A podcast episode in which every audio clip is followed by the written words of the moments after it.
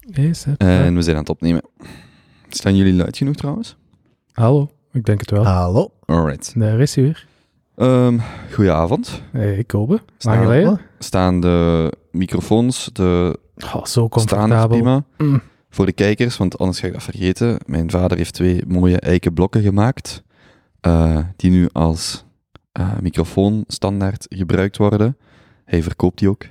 Nou, kijk aan. Ja, Eerste was- plug op de podcast. Hij zei, hij zei wat moet ik eh, betalen om te adverteren? ik heb niks gezegd, dus Paar bij deze. euro. contacteer mij en eh, je hebt een staander. Hm. Ehm, ja, fijn dat jullie er weer zijn. Hm. Het is twee weken geleden. Altijd gezellig, hè? Ja, ik zit hier eigenlijk ook wel goed. Alright, ik heb trouwens ook... ehm Benny zei dat, er, ehm, dat hij een routine krijgt in de podcast, namelijk dat hij nu een eh, notitie, digitaal notitieboekje heeft om dingen te delen. Ik heb dat dus ook gedaan, Maar een fysiek. maar analoog. Ik heb helemaal niks. Dus zul- zullen we eerst... eh, nee, maar je hebt wel sappige verhalen.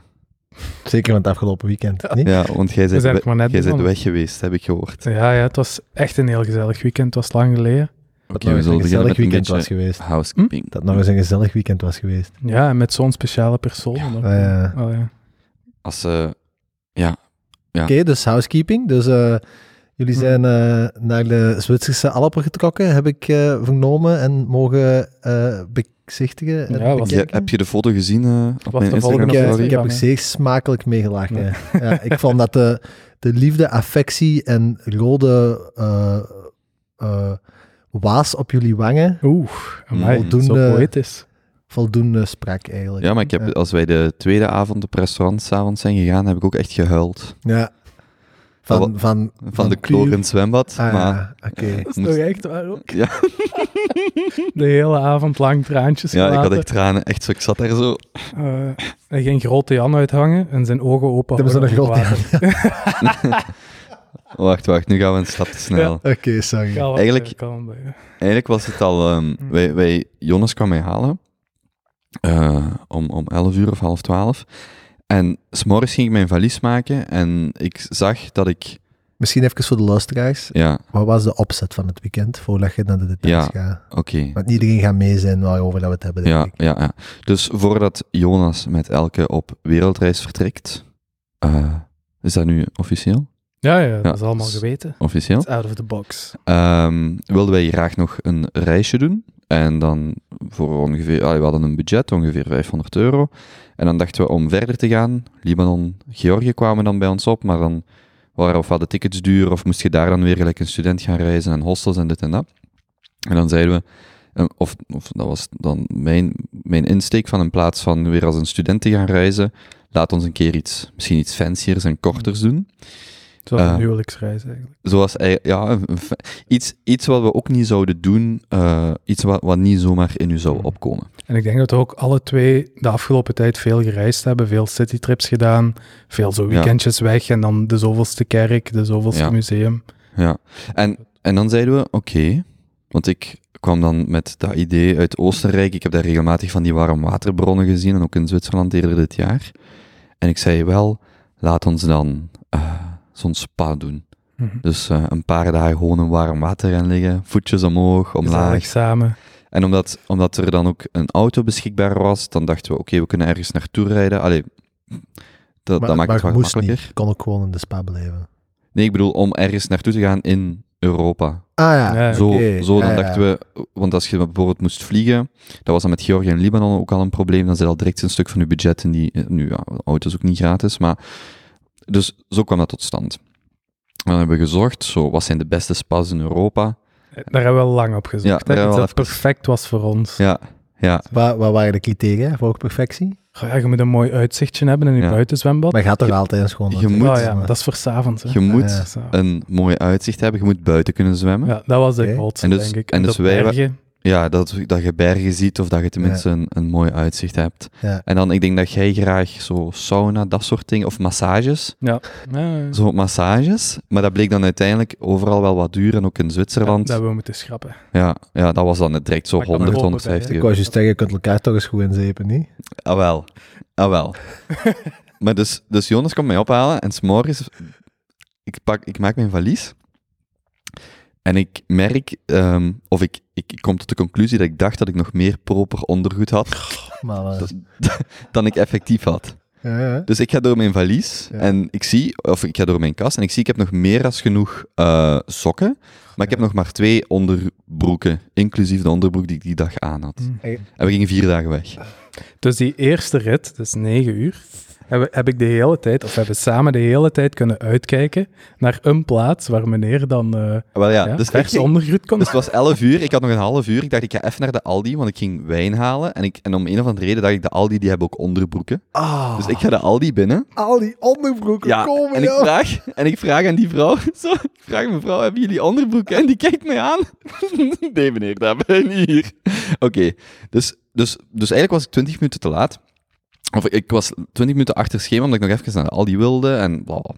Dus Jonas komt eraan, we- ik maak mijn valies en, we, en met dat we vertrekken zeg ik nog van, ja, maar ik denk, ik heb het gevoel dat ik iets vergeten ben. En we gaan zo door, oké, reispas, bla bla bla bla, ik had alles bij. Wij vertrekken en ik zeg, nu heb ik door zo op, dat ondergoed te op die onderbroeken te focussen, heb ik mijn sokken vergeten. Dus ik had één paar sokken bij, en dan, en dan Vier dagen. ja, voor vier dagen. En één, Dat is gewoon- en dus jongens, vandaar, vandaar hebben wij dan ehm, de weg lang zo, ah, hier ligt een decathlon, ah, hier ligt een dingen, om dat te kopen. Ja. Uiteindelijk komen we ergens in, achter Straatsburg, ehm, Gigantische winkel. ja, zo'n hyper, een hyper Carrefour tegen. Heel veel opties, echt keurig Ja, echt, echt een rek vol met, met ondergoed. Kobe was zo gelukkig. En ik dacht, ik pak gewoon de large onderbroeken. Mhm. Drie. En sokken. Je kunt dat natuurlijk niet passen, hè, onderbroeken. Dus, de volgende dag doe ik dat onderbroekje aan. En ik zeg, en ik merk al heel snel van die large, dat is toch vrij klein. Dus ik heb daar twee of drie dagen rondgewandeld met zo'n onderbroekje, wat veel te spannend zat. Ja, hij heeft mij dan ook zo gezien natuurlijk. Al het bloed afgesneden. Dat was niet Ja, dat was echt hè? zo, dat was echt, ik had daar, ik had daar een dikke extra large moeten pakken of En zo. zo is dan de romantiek Mhm. gestart Ja, eigenlijk. het zat er eigenlijk Ja. erotische, erotische spanning. Ah, wel, we hebben wel op die heenrit ook vrij veel pauzekes gedaan. Dat was eigenlijk heel mooi. En dan zijn we s'avonds om tien of elf uur, elf uur denk ik, daar aangekomen. Mhm. En het sneeuwde, net prachtig toen we de bergen Ja, overreden. echt zo. Dat is jammer. Ja, Zwitserland is echt wel ja, echt Mm. mooi. Ehm, ja, en dan hebben we Goeie weekendje gehad. dan hebben we daar twee dagen gelegen. We hebben ook geprobeerd. We hadden vol goede. dus we zitten op 1400 meter. En we zien een punt, een kabelbaan, wat 2300 meter hoog ligt. En toen kwam het idee van, we gaan gewoon naar boven wandelen Mm. en de kabelbaan terugpakken. Mhm. Zeker toen we hoorden dat dat 72 euro was, voor ons, ah, 72 Ja, frank. Zwitserland is Ja. duur. Op maar- en af, dus 36 euro op en af met die kabelbaan. Dus wij dachten dan wandelen we omhoog. We beginnen te wandelen. En we zien zo'n bord met nee, deze wandelweg is afgesloten. Oké, we wandelen verder, want we wilden dat toch doen. En we kwamen zo voorbij een, bal, een balustrade of een stop op de straat, op, de, op die baan, op dat wandelrouteke. En we konden daar niet voorbij. Een uur later pakken wij dan toch die gondel of zo naar boven. En je, je ziet daar zo uit die gondel het meest steile pad naar boven, helemaal volgesneeuwd. Hm. Dat we dachten, maar goed dat dat stond af, want daar waren we, ja, waren we nooit, dat was levensgevaarlijk. Had Ja, je ja, daar, ja. Mhm. Dat had je te laat door dat het levensgevaarlijk was. Dat was even te spannend. Ja. Want ze- Dan hebben we ook niks meer gedaan de rest van het weekend. Gewoon, Ja, dus, dus dat, was, dat was het idee. We gaan in het water liggen. Misschien nog iets van wandeling, maar daar zijn we eh, ja, niet aan geraakt. Vrij snel terug in het water gaan liggen dan. ja, En ontbijtjes gegeten en pizza's gegeten. ja hey, en, en ehm, ik heb gemerkt dat mijn nek heel goed kraakt in het water. En dus ik ga zo in het water en dat kraakte allemaal zo. Dat was heel aangenaam. Dan ook dacht ik, en ik kan het, ik denk dat de camera te ver staat, maar ik nam een eh, briefje van Zwitsers geld. Mhm. En ik zeg tegen Jonas, kijk, een tovenaar, of zo Harry Potter of zoiets. En hij kijkt mij zo aan, zo van, Kobe, dat is een dirigent. Hij- ik dacht, dat is een tovenaar. Maar dus die hebben blijkbaar... Achteraf zei zo'n vrouw tegen mij, alle, brief, alle Zwitserse briefjes staan handen op. Dat was ook een fun fact. Eh, dat wist ik niet. Ehm, Mhm. ja, en dan was daar een vrouw van onze leeftijd met een man van, nou, hoe oud was hij? 60, 65. We hebben toch lang nagedacht of dat een kleindochter was. Of, De vriendin. ja, Nu, of de een soort vriendin. van vrienden. Hm. Ja. Ze En- zag er nogal rustig uit. Hmm. Of zo. Dat wijst meestal naar scenario nummer twee. Mhm. Ja, ja. En dan hebben we die... Zou je het gaan vragen? Nee. Nee. Wel het hele weekend gestalkt. Dat wel. Lichtjes. Luchtjes. Die zaten ook tegenover ons in de kamer, wist je? dat? Ah, nee. Schuin tegenover. Maar een klein dorpje, hè. Leukerbad. Of Ja. Hij Loikerbad. noemt ook leuker bad. Leuk. Ja. Het is er ook leuk, Benny. Ja, dat is zeker. Ja. Het is er ook leuk. Ehm, ja, kijk. Dus het was, eh, het was een eh, waardevolle ervaring dan. Het was zeer Ja. tof. Ja. Eh, mooie filmpjes, mooie foto's. Mhm. Een paar Ja. voor de privécollectie. Ja, Ja, die heb ik op Instagram gedeeld. Die, die met ons twee. daar straalde de liefde echt vanaf. Kan Ja. ja. anders omschrijven. Voilà. Allee, top. Zeg, en, eh, ik heb ook gehoord, Kobe, dat jij op diner bent mogen gaan bij een van de vorige podcastgasten. Ja. Hoe was dat? En ehm, met wie was dat? ja, ik ben aan het denken eh, welk stukje on the record, welk stukje off the record is. Ja, ik ben gaan dineren bij iemand die een beetje gelijk eh, ons anders wel en ook al veel meer heeft gedaan, van die diners organiseert met eh, een eh, vijftal andere gasten, dus met zes. Was Eén van die gasten gaat ook op de podcast komen, dus dan gaan we er sowieso over babbelen. Wie dat? Polle, de enige Hollander van de, van de bende. Ehm, en die heeft, ehm, wa- waar dat we spontaan veel over begonnen te babbelen, waren de wandelingen. Die is in Japan gaan wandelen, in Jordanië gaan wandelen, pas de Kilimanjaro opgegaan. Ehm die schrijft ook een blog over, dus, dus die gaat op de podcast komen, dan gaan we daarover babbelen. Dat merkte ook zo in die avond, wij waren graag met kritische vragen bezig, een beetje aan het duwen. En de persoon in kwestie die het organiseren, zei zelf ook, jullie twee zouden dus gewoon om ter, om ter ambetantste vragen stellen. Omdat dan ging dan, dan kwam de vrouw binnen van, ehm, en wij waren nog wel bezig met tegen hem dan, zwijg eens, hou uw mond, laat haar eens babbelen, laat haar eens babbelen. En dus dat was, dat was, dat was best leuk, dat was, dat was een, een leuke dynamiek, dus hij komt op de podcast. Ehm, ja, en die avond zelf, ik weet niet, eh, ik had niet eh, voorbereid om daar eigenlijk over te vertellen, en ik wil niet dat ik achteraf Je kunt ook niet zeggen bij wie dat was. Eh, jawel, en, jawel, maar ik ga het niet doen. Ik denk ook niet dat, hij het erg, dat de persoon in kwestie het erg zou vinden. Maar ik, ik wil gewoon niet achteraf denken, waarom heb ik daar niet Hm. eh, meer over gezegd. Maar het was, eh, het, het- misschien om ervan te leren is, eh, wat heel leuk was, is mensen waren uitgenodigd, je moest op hotel blijven in de buurt. Dat Ja. ervoor zorgde dat niemand al om 11, 12, 1 uur weg was. Geen harde stops. Geen harde stops. Oké. Ehm, dat was, dat was ja, echt, een, echt een pluspunt. Hm. Dan, En hoe eh, laat is het dan geworden? Wel, we waren om 7 uur uitgenodigd. Hmm. Blijkbaar was op deze editie de eerste in 30 of 40 of zoiets. Ehm, is er, er is nooit iemand zo laat als eerste vertrokken. En dat was drie uur. Dan is de eerste vertrokken. Stevig diner. Ik heb er nog tot eh, kwart voor zeven gezeten. Kwart voor zeven. Ja, ik moest uitchecken om 12, dus ik had ook wel nog wel. Oh my god. ja, ik heb Jesus. 12 uur gezeten. Het En de rec- gastheer ook. Ja, met hem. Ja, we hebben, we hebben afgesloten om kwart voor zeven. Oh joh. Ja.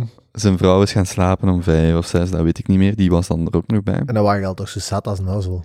Ah, wel. Als je een avond begint en er zijn zes gasten en je zegt het record staat op 14 flessen Ja, wijn. ja. Eh, ik denk dat we het geëvenaard hebben, maar er is ook nog champagne, was er ook nog. En, Decadent. dus het was, Ah, het was pittig. Ja, het was pittig. Ja, flessen. In, inhoudelijk vond ik het ook... mm, ehm, er was moeite gedaan om verschillende profielen samen te krijgen. Dus zowel van jong naar oud, als ook ehm, eh, professionele profielen, als ook... eh, ehm, wacht, ik, wou, ik wou nog eens leeftijd zeggen.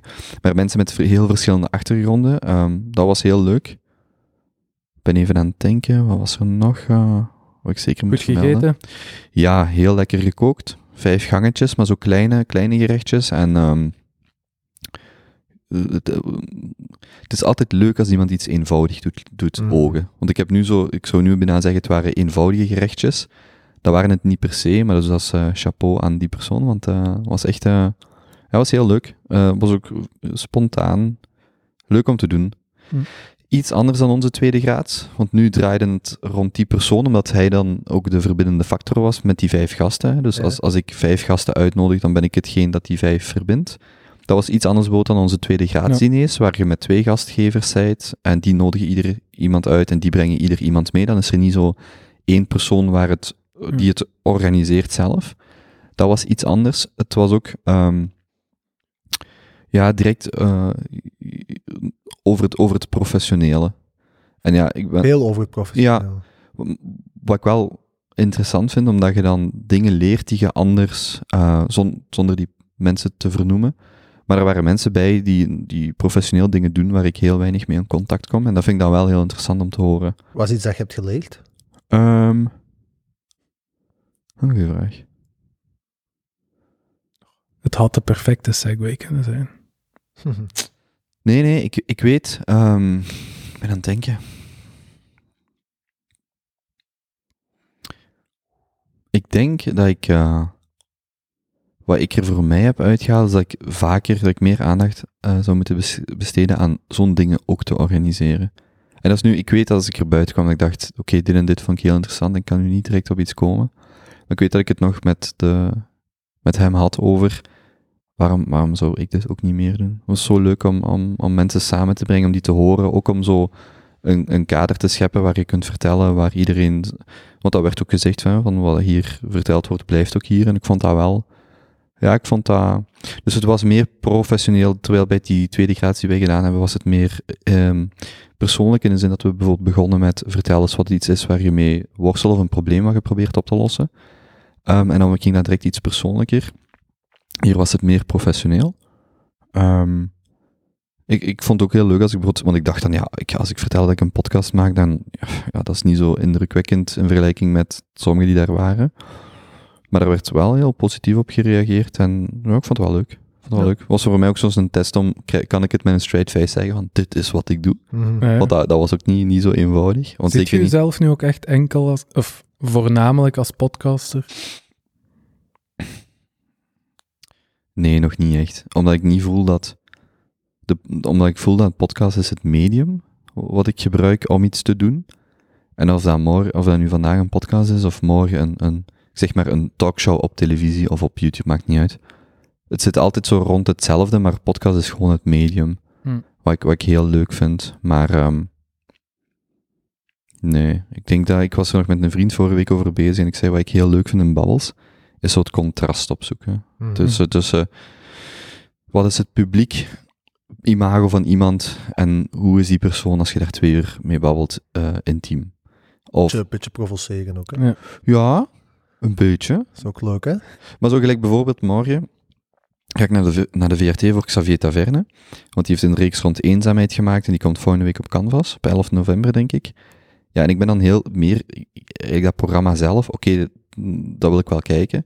Maar ik ben heel geïnteresseerd in waarom hij specifiek dat thema eh, heeft gemaakt. Mhm. Of waarom dat, allee, dat programma met dat thema. Dat interesseert mij dan meer.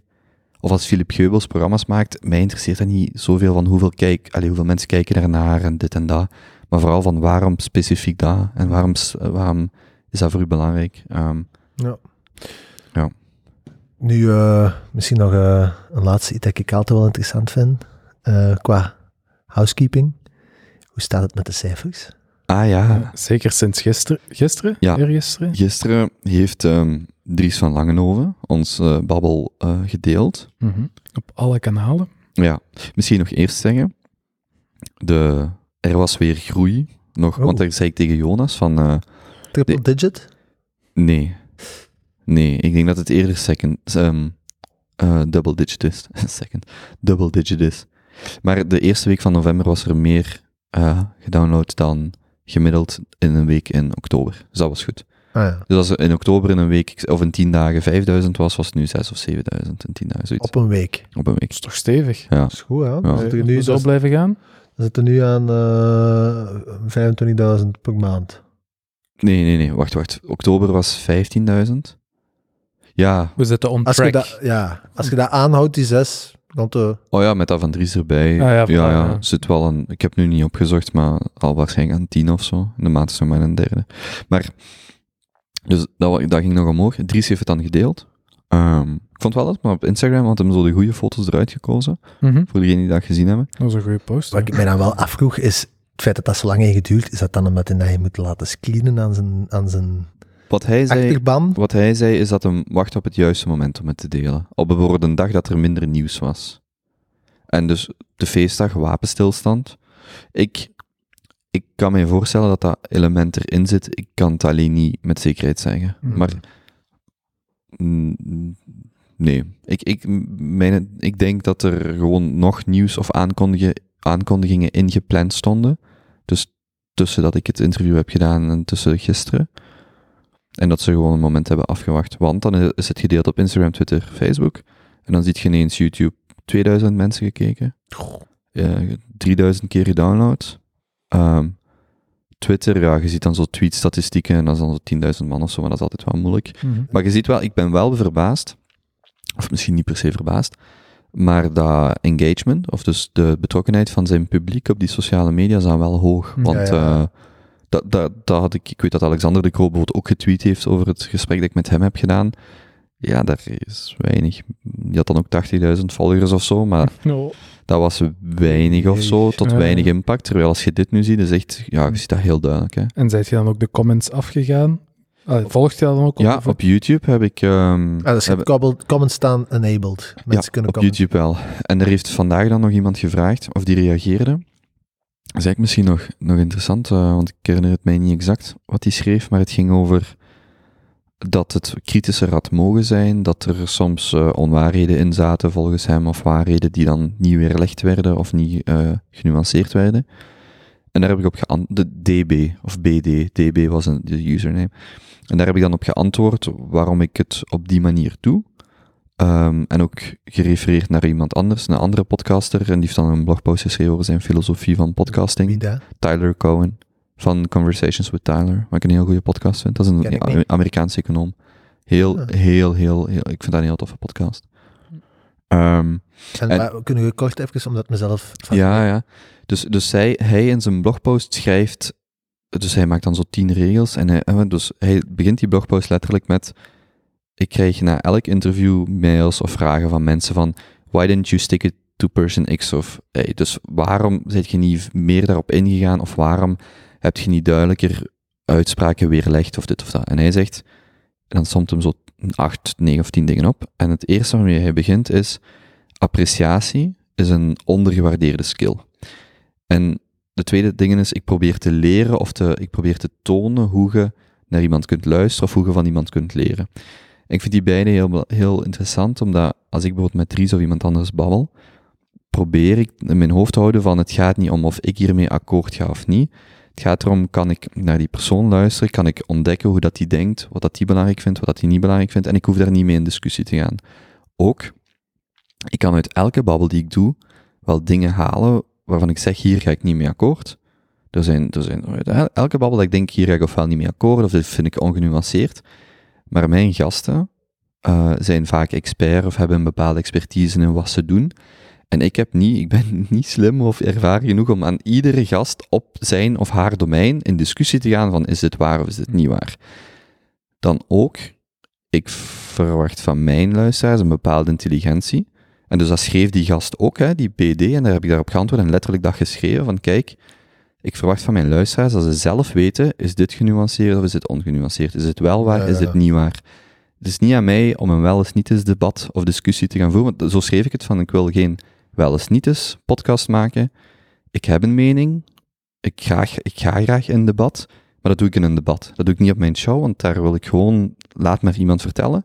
En elke luisteraar kan voor zichzelf beslissen. En eigenlijk, ik heb nu van heel wat mensen feedback gehad, in het algemeen, maar die zeggen dan soms, dit heb ik volledig uitgeluisterd, want ik vond het heel aangenaam. Anderen zeggen, dit heb ik niet laten opstaan, want ik vond het niet aangenaam. Of dit vond ik wel waar, dit vond ik niet waar. En dat is voor mij het belangrijkste. Ja. Ik maak geen programma van 30 seconden soundbite, ik maak iets van twee uur. En eh luisteraars kunnen zelf beslissen wat ze willen. Maar dus, die, dus, die, dus om op je vraag te antwoorden, ja, eh, er zijn reacties op YouTube.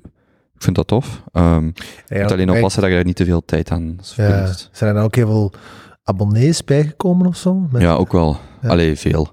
Gelijk op, in, op Instagram volgt dan ineens 30 of 40 man nu. Op YouTube ook zo 10, 20. Allee, dat zijn niet die, die grote cijfers of Nee, zo, hè, maar... nee. Maar begin. Maar wel gevoel, ja, en, en je merkt het, hè. Veel jonge mensen heb ik de indruk. Ehm, of, of ja, meer jonge mensen dan ik misschien verwacht had. Als ik zo snel, gelijk op Instagram, werd er dan 2000 keer geliked. De post, post die hij maakte. Ben ik daar eens doorgegaan. Ehm, ja, en op Facebook schreef één persoon. De journalist heeft een hoog ketnet grappig. heb ik ook direct geliked. De, jour- de journalist heeft een hoog ketnetgehalte. Maar ik, snap- ik het dat- wel. Ik- Maar ik, wat betekent dat zelf? Gewoon een zekere eh, eh, knuffelbaarheidsfactor.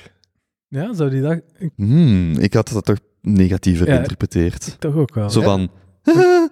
Een beetje schools en naïef. Ja. Ja, ja. Ah ja, nee. Allee, niet om, om je aan te vallen. Nee, nee, ja, maar nee. Als ik denk Ik vond het wel grappig. Catnet, ja, ik, ik las dat ook. heeft een hoog catnet gehaald. Ja, ik dacht, dat is echt goed. maar ik, ik, ik weet niet goed wat die persoon ermee bedoelt. Maar ja, goed. eh, ja, kijk. Nou, ik denk, als je Ja. zo iemand interviewt, kun je van die comments niet verwij- vermijden. Nee. En als je dan zegt jong, wat is jong?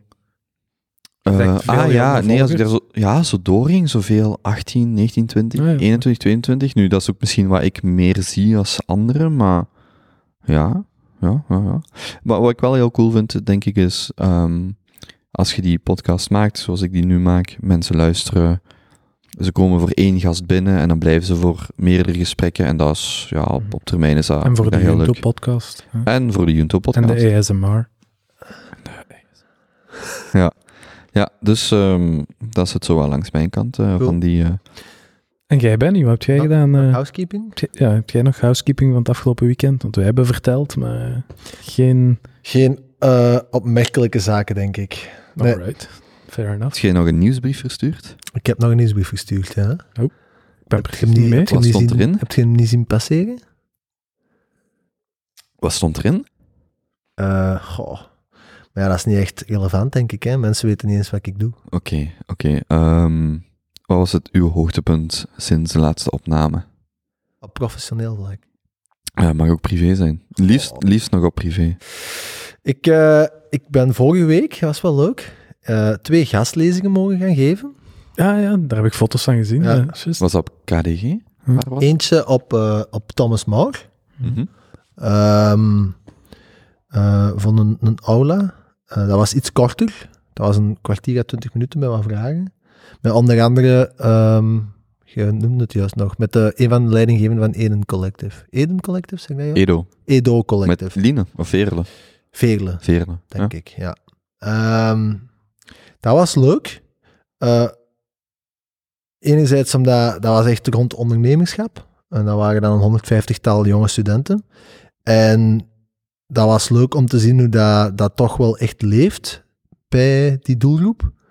En dat die ook wel echt vol aandacht luisterde naar zowel mezelf dan als eh, de twee andere collega-ondernemers. Eh, maar dat- het, het leukste vond ik dan, de dag nadien mocht ik een, eh, een lezing gaan geven op een oude universiteit, op de Antwerpse Management School. En dat was, eh, dat was een, echt een uur. Hm. En het is vrij druk momenteel op het werk, dus ik had dat niet echt kunnen voorbereiden. Eh, dus ik heb daar gewoon mijn, mijn standaard ja, pitch gebracht van wat het bedrijf nu doet. En dan tussendoor wat verkondigd van waar, wat ik zo ja, on top of mind heb geleerd in dat traject dat we nu de laatste vier jaar hebben afgelegd.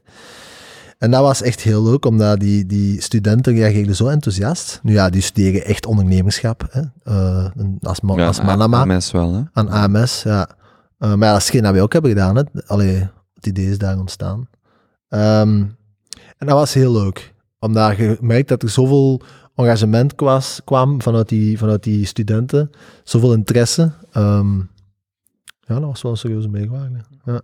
Als je zegt pitch, dan zegt uw bedrijf hoe dat gedaan investeerders pitcht. Of hoe? Nee, eh, dat is de presentatie dat ik, dat ik vertel tegen een nieuwe klant. Mm. Maar die is vrij verhaal gebonden. Ja. Ja. Toffe. Ging je niet Westvleteren tracteren? Ja, het contract is bijna getekend. Ah, oké. Hmm. Dus als het getekend is... West-Vleteren is nooit gezegd te komen. Er ging een Ik heb, ik heb dat van in het begin gezegd. Jij zegt een tractatie. Ah nee, want toen heb ik mij op die wachtlijst ingeschreven. Is dat zo? Ja, echt? Ik sta op de wachtlijst voor uh, Westvleteren. Dus tegen 2025 mogen we een bak gaan halen. Hoe Ja, lang als is tegen dat? dan uw contract getekend is. Ja, pakt van wel. Oké, Ja, ik sta op de wachtlijst sinds, sinds dat je dat gezegd hebt. is goed. Als jij een bak kunt regelen, dan, eh dan trek tegen ik hem. Oké. Ja. oké. Ja. Super. En eh, profes- eh, privé nog eh, hoogtepunten? Ehm goh, dan moet ik eens nadenken. We hebben tijd, hè? Doe maar kalm. Of kijk eens op uw lijstje. Niks relevant. Eh, Ja, ik denk dat dat een Junto-lijstje Nou is. ja, juist. Dat is voor binnen een paar minuutjes. eens zien. denk niet echt noemenswaardige zaken, nee. Oké. Goed. Ehm, Kunnen Ah, ja. we erin Ah, jawel. ja. Eh, ik ben, ehm nou, in hoeverre dat dat relevant is. Ik ben op citytrip geweest naar Kopenhagen. Voilà. Juist, juist, juist. Ja, dat was eh, zeer, zeer aangenaam. Geweldige stad. Ik was er ook nog maar één keer... Zijn jullie er al eens geweest? Ja, Ik nog niet. ik wel. Al ge- geruime tijd? Ja, dat is wat tien jaar geleden. Ah ja, oké, ja. Ja, dat is echt ehm, zeer fascinerend. Dat is echt... Je gaat een beetje naar de toekomst, hè. In de zin dat je, je komt in die luchthaven aan. Dat is een luchthaven die daar qua afwerking en, eh, en, en, en esthetiek ehm, enkele niveaus hoger ligt als Zaventem. En dan begeven we richting het, het stadscentrum en stappen op een tram die daar volledig geautomatiseerd is. En ja, je kent allemaal wel van die shuttles in grotere luchthavens. Ja. Maar echt gewoon de metro. Fully automated, met zelfs dan zo dat ze er ook designsgewijs rekening mee hebben gehouden, dat, omdat er geen bestuurder zit, dat de voor- en achterkant van dat, van dat, van dat stelsel, van die carriage, of hoe zeg je dat, gewoon één grote vierkante raam is. Er zitten dus zeteltjes, twee, drie rijen van voor in die metro, dat je gewoon naar buiten kunt kijken. Nice. Dus volledig geautomatiseerd. En, en dat was voor mij heel frappant dat je merkt dat dus heel die samenleving gewoon vier, vijf, zes, zeven jaar verder staat, denk ik, als Hm. wij. Op, op ja, onnozele dingen, maar ehm, heel opmerkelijk. Heel aangename stad. En lang daar geweest? Vier dagen. Hm. Eh, was ook wel grappig. De, de- we zijn naar Maarten gaan bezoeken. Nee. En eh, die woont daar nu hè, met zijn vriendin Sophie. En eh Sophie werkt bij de United Nations. En eh, we kwamen daar vrijdagavond rond de- een uur of zes aan. Zijn we gaan, eh, een beetje gaan, eh, iets gaan drinken in Maarten zijn appartement. En daarna zijn we gaan afterworken in, in, in het gebouw van de United Nations. Mm. Mm. En dat was heel grappig, want ik had dan zo'n beeld van, ja, hè, oeh, de United Nations, dat zullen wel heel serieuze mensen zijn. Man, heet ja, dat zijn echt ook gewoon juist dezelfde, ja, mensen die dat stress moeten aflaten op een vrijdagavond. Dus we zijn daar van 7 tot, tot 11 gebleven, denk ik. En ehm, ja, die bar was leeggezopen, hè, letterlijk. Zalig. ja, dat was wel, eh, was wel grappig om te zien. eh, ook daar, gewoon Mhm. het klassieke Ja, zeker. zich afspeelt. Ehm, ja, en dan, dat is ook misschien nog wel interessant, we zijn zaterdag toevallig op een tentoonstelling beland. Dat stond ook al op mijn lijstje. Van Bjark Ingels. Ik weet niet wat die naam u iets zegt. Big Architects. Nee, BIG. klinkt wel interessant. Dat is, eh, ze noemen die man de Elon Musk van de architectuur. Hm. En dat is volgens mij eh, zeker niet te kort gedaan. Ehm, Die eh, tekent huizen voor op Mars. Dat denk ik dat het nog juist niet heeft gedaan. Maar die, eh, die heeft al ongelooflijke dingen gedaan. Alleen dat is echt, die man is er volgens mij 3 of 44, 45. En die heeft ehm, een bureau waar dat hij een, ehm, de meest ongelooflijke projecten voor allee, mee kan zetten. Bijvoorbeeld in Kopenhagen heeft hij een, ehm, een, eh, een gebouw waar daar een nieuwe type van elektriciteitscentrale in gebouwd ging worden, die daar al het afval van de stad verwerkte, met de hoogste efficiëntiegraad van verbranding. Ehm, dus dat hebben we nieuw gebouwd en hij mocht dat ontwerpen. En wat heeft hij gedaan? Dat is zo'n gebouw, dat hem dacht, ja, maar ja, oké, dan gaan we iets neerzetten. Dat is, ik weet niet, paar, iets, eh, x aantal tienduizenden vierkante meters aan dakoppervlakte. En is een keihoog gebouw. Waarom koppelen we daar niet iets aangenaam functioneel aan? Dus wat hebben die gedaan? Die hebben een skischans gebouwd in het midden van Kopenhagen op een compleet CO2-neutrale energiecentrale. Dus dat soort van ideeën heeft die man. Ehm, het gaat nog veel verder. Alleen je moet echt eens opzoeken op, op Netflix staan documentaire van Abstract. Mhm. Ehm, dat is een serieuze aanrader. Ehm, en eh, ja, dat was dus een tentoonstelling. ehm, bij de betere, dat ik in heel lange tijd misschien wel, ja, misschien wel, dat ik misschien durf zeggen, de beste dat ik ooit heb gezien. Ook omdat het mij gewoon heel hard fascineert. Hè. Mhm. Maar hoe dat die manier, omdat die man gewoon alle constraints of zo, alle beperkingen van het, klas, van het klassieke architecturale gegeven gewoon overboord smijt. En, en op een compleet nieuwe manier naar, naar gebouwen kijkt. En wat hij daarmee kan realiseren, dat is gewoon... eh, extreem fascinerend. Maar het was een tentoonstelling, of... Ja, dus ehm eh, het was wel een highlight van de projecten dat hem tot nu toe al had gerealiseerd. Hm. Ehm, een ander voorbeeld van een project dat hij heeft gedaan is in, in New York heeft hem nu een eh, recent een nieuw project opgeleverd, waarbij dat hem ja, hij kreeg van een heel grote New Yorkse projectontwikkelaar een stuk grond vlak naast eh, de Hudson Mhm. gigantisch, hè, waar, dat je, waar dat elke normale architect gewoon een hele grote skyscraper op zou opzetten. Hè. Dat is logisch, maximale eh, gebruik van die extreem kostbare grond, maximale return.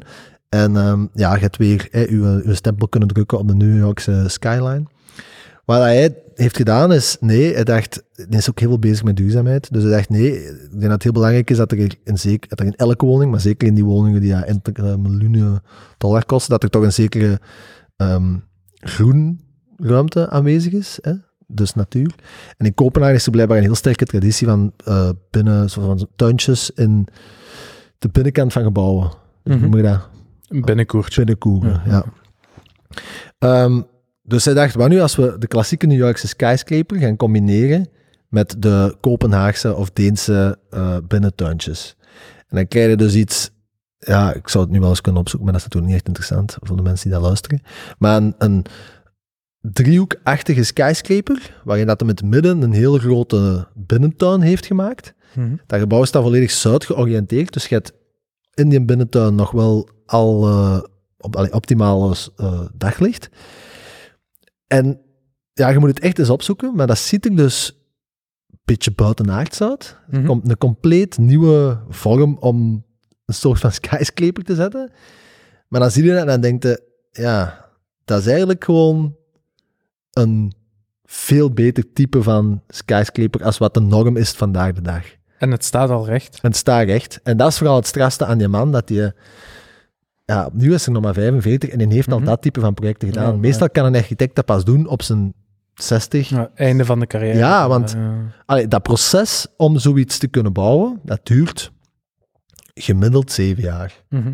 Hè, het uittekenen, uw bouwheer overtuigen, de vergunningen aanvragen en dan zetten, ja, dat is minstens zes, zeven jaar. Dus dat wil zeggen dat je een, een New Yorkse projectontwikkelaar, en dat gaat over een stuk grond dat volgens mij gemakkelijk een miljard kan waard zijn, hè? Maar ja, zeker. En dat is ineens dus op zijn 37, 38, een van die grote eh, New Yorkse big shots als teen, hè, die, die had nog geen kantoor, moeten kunnen overtuigen van, hé hey, gast, kom eens zien, ik heb hier het compleet nieuw.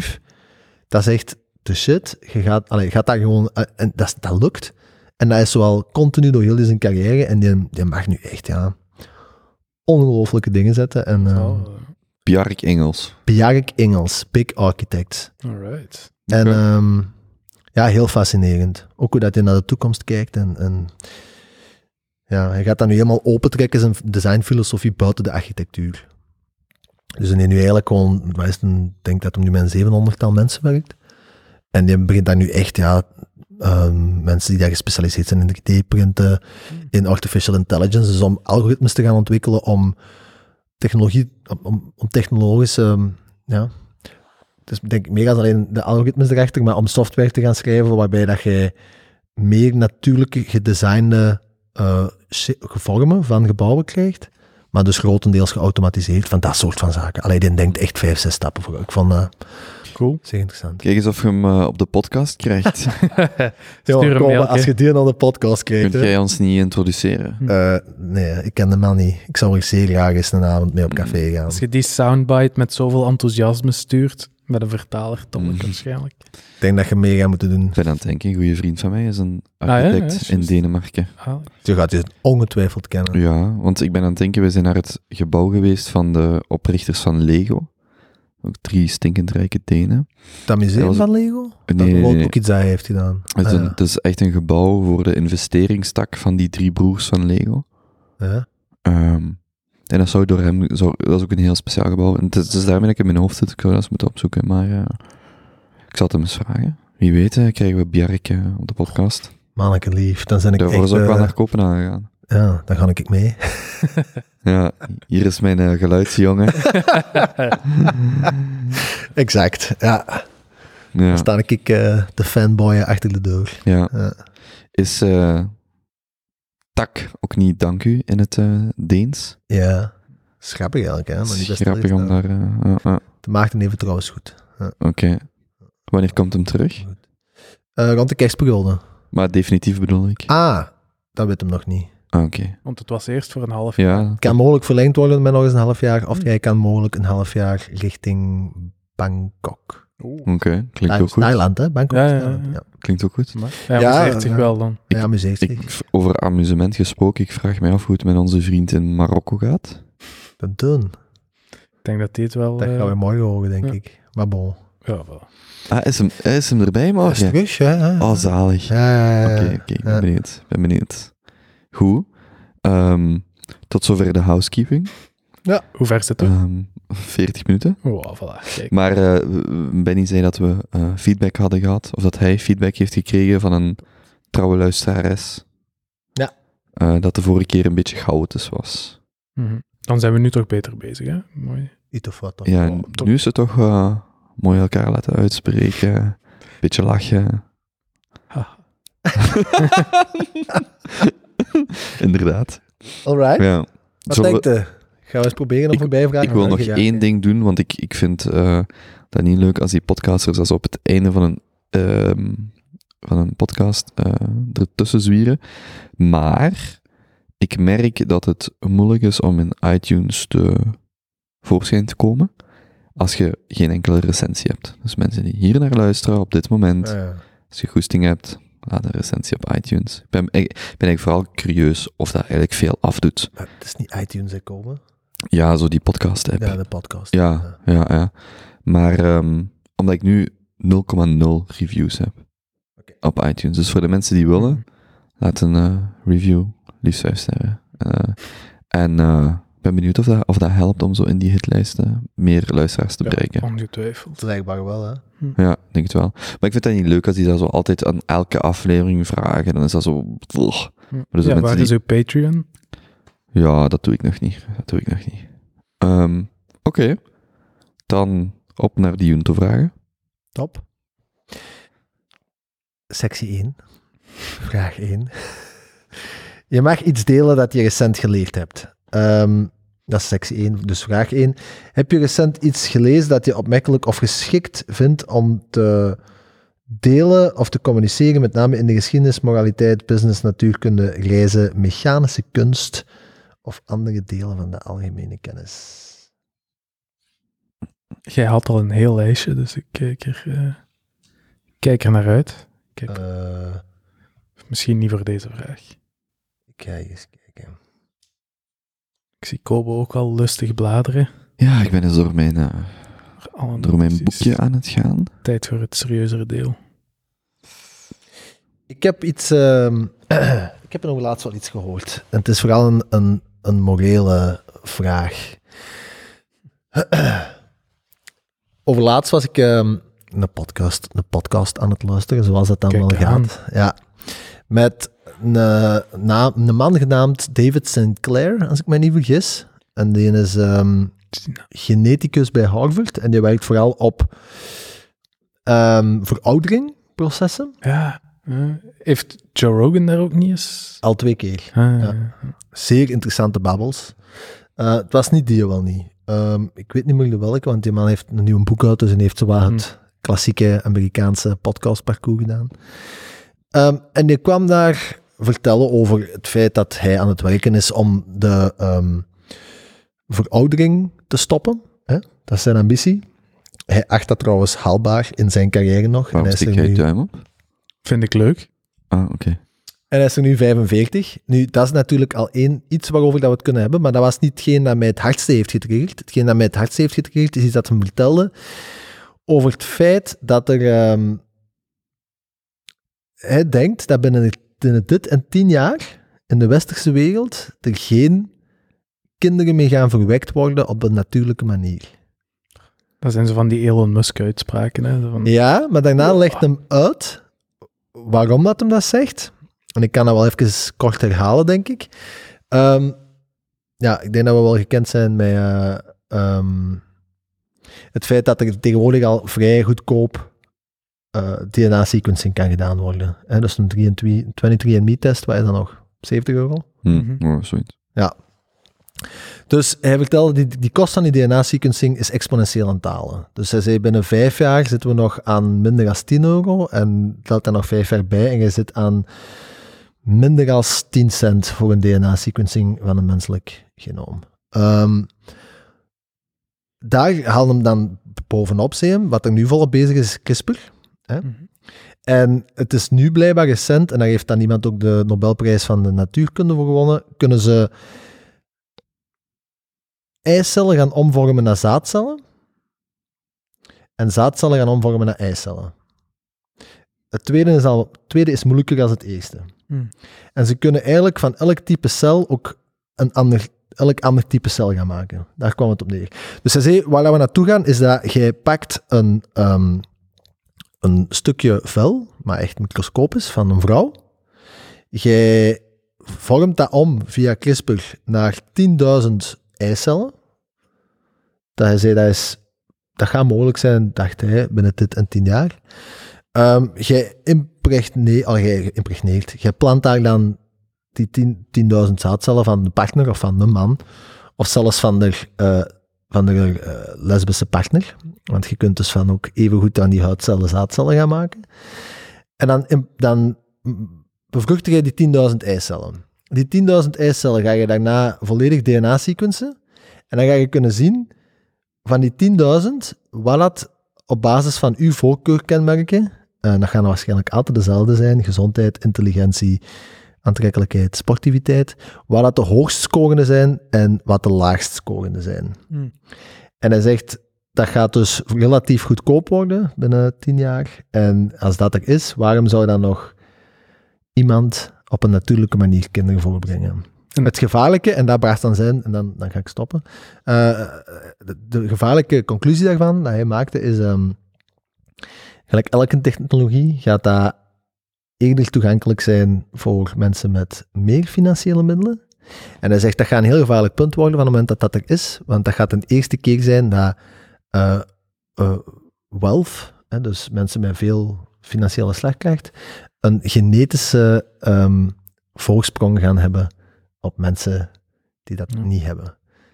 Wat, En- wat nu toch ook wel al is. Een beetje. Grote delen in de wereld hebben geen voorboedsmiddelen, geen inentingen, geen vaccins. Maar Dat is een verschil met gezond echt een-. Een intrinsieke... Ja, maar als jij zelfs geen... Ik weet, maar als jij bijvoorbeeld zelfs geen abortus kunt laten doen, dat is toch ook al letterlijk een... Je bepaalt bijvoorbeeld, ah, een bepaalde embryo of foetus heeft bepaalde Ja, afwijkingen. Iemand gaan- die heel arm is, kan nog altijd super snel lopen en gezond zijn en dit en dat. Dus genetisch kun je Ja. niet Ja, dat is waar. Dat is waar. Het gaat er echt op neerkomen dat elk persoon vanaf een bepaald vermogen eh, Mhm. geen kind met syndroom van Down meer gaat krijgen, bijvoorbeeld. Of geen kind met een IQ lager dan 130. Een Ja. leuke consequentie daarvan gaat trouwens zijn, als uitkomt wat hij zegt, dus onsterfelijk en CRISPR, dat wij de enige lelijke onsterfelijke mensen over gaan zijn binnen een paar generaties. Lelijke, sterfelijke mensen. Ja, nee, als hij zegt dat hij... Hij zei Ah, dat van, ik ah, dus ja. wij gaan de allerlaatste generatie zijn die Als natuurlijk... CRISPR, als CRISPR echt helemaal op punt staat, dan dan kun je zelf ook gewoon kunnen... Ja, dat is waar. Zou je dat rap doen? Mij lijkt dat cool als ze dan zo terug andere mensachtige beginnen te maken. Zo terug Neandertalers en al die... Ah, ja. Harari spreekt er in Sapiens ook over. Dat je, er is geen reden om ervan uit te gaan dat de homo sapiens de enige zijn die we kunnen Hm. recreëren. Dus een beetje Neandertaler hier, een beetje... Want er zijn zo zeven of acht eh, menssoorten tegelijkertijd geweest. Ja. Dat je echt dan begint... Oké, we hebben werkvolk nodig. Welke zijn de sterkste van de mensen? Bijvoorbeeld. En dan gaat het al snel richting Brave New World. Ah, ik vind het wel cool om over na te denken. Ja, maar ik, ja, het is heel cool, maar ik vond dat chockerend. Hè? Hm.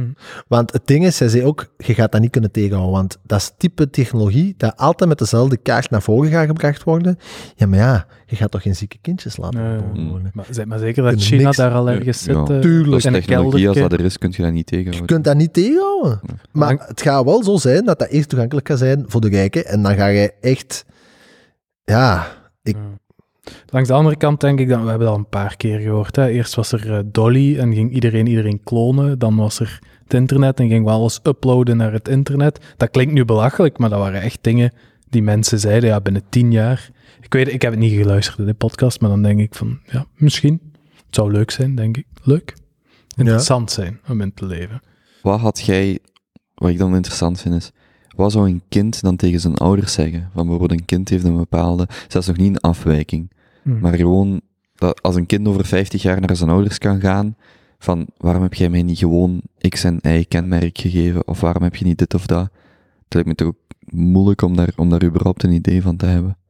En hoe bedoelt je juist? Dat Wel, stel een kind, een kind heeft overgewicht of zo. Die gaat naar zijn ouders, je had mij genetisch kunnen Ah, ja. je had een versie kunnen Hm. kiezen. Wel, dan zou je kunnen zeggen, dan had ik niet bestaan, want dan was dat een ander mens. Ja. Vragen ze aan antivaxers en die hun kinderen. Die kinderen kunnen ook vragen, waarom heb je mij niet gewoon mijn medicijn gegeven? Ja. ja. Dat zal ook al wel gebeuren, denk Ah ik. ja, wel, ja. Hm. Het is dus niet dat dat ver weg is of zo. Tja, ik weet het niet. Hm. Ook het leuke dat je zei, is omdat die CRISPR nu zo ook exponentieel aan het, eh, aan het boomen is qua technologische eh, capaciteiten, dat hem ook zei van ja, daar gaan we binnen een paar jaar ook echt heel funky dingen mee zien. Hè? Hm. Gelijk als dat nu tatoeages al steeds meer en meer maatschappelijk geaccepteerd worden als een soort van esthetische verfijning van jezelf.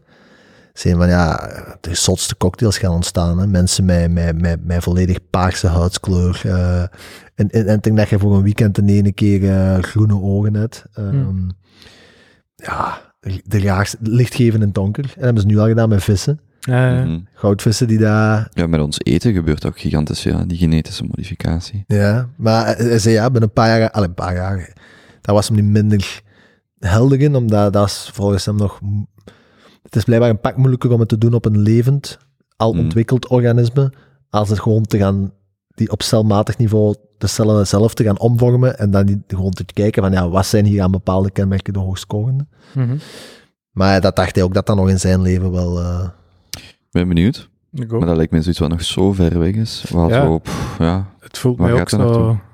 Een, een artikel van in Wired of zo. Van ja, dat Ja. gaat er allemaal wel zijn. Binnen, of Elon Musk die zegt dat we binnen vijf jaar eh, allemaal zelfrijdend zijn. Maar ik hoop het, hè. Hey, begrijp me niet verkeerd. jij gelooft Ja. dat niet? Vijf jaar? Zelfrijdende wagen? Nee. Ik heb wel een weddenschap met iemand dat wij onze kinderen geen rijbewijs meer zouden halen. Oh, maar die weddenschap pak ik ook Over graag, hè. 18 jaar was Heel een weddenschap. graag. Voor hoeveel wedden we? Gaan we dat, gaan we dat hier vereeuwigen? Ik wil daar echt een grote bed op doen. Nee. Maar dus nu over 18 jaar, dus Ja, dan moet je wel beginnen poepen, hè, 2037. Nee, nee, maar pak dan 2037. Binnen 18 jaar. Ah ja, want ik ga even een kind maken voor een weddenschap te Ja, winnen. kijk, eh, dedicatie of niet? Ehm, ja, maak 18 jij dan een Maar kleine... laten we, ja. laten we gewoon Waarom zeggen, ik- maak jij dan een, hè? Dat is toch juist hetzelfde? het zal wel gebeuren op zijn wereld. Mm. Hm. Nee, maar uh, Landes doet het gewoon ongeacht het feit of dat er een baby Binnen is de of niet. 18 jaar of? Dat, ja, binnen, pakt, stel, stel, Hm. puur hypothetisch. Jij verwekt vannacht een kindje Hm. met uw ESMR wederhelft. Eh moet die binnen 18 jaar vanaf morgen tellende dan nog richting de rijschool gaan of niet? Nee, jong. Ik wil echt een heel harde bed maken. Van Ah, wel, laat ons dat zo zijn. Hm. Voor uw kleine, ik bedoel de baby, niet de kleine. Allee, eh, ik wijd 250 euro. Oh, ik wil ik, 5000 euro. Ja, en als je wint, is het voor de kleine. Als je verliest, Is het voor jullie of wat? ja. Eh, eh. Eh, dus 5250 euro. ik denk niet dat ik er 5000 euro zeker van ben. Mm. Maar ik denk dat mensen wel onderschatten hoe, overschatten hoe snel dat het allemaal gaat. Gaan, zou moeten gaan gaan. Oké, maar hoe, hoe comfortabel bij welke bedragen? Hmm, 18 jaar is nog ver weg, hè? Iets tussen de 250 en de 5000 euro zullen we zeggen. En we, we splitten de pot. Kom, allee. Ja, wed jij maar 5000 en we splitten, we splitten de pot.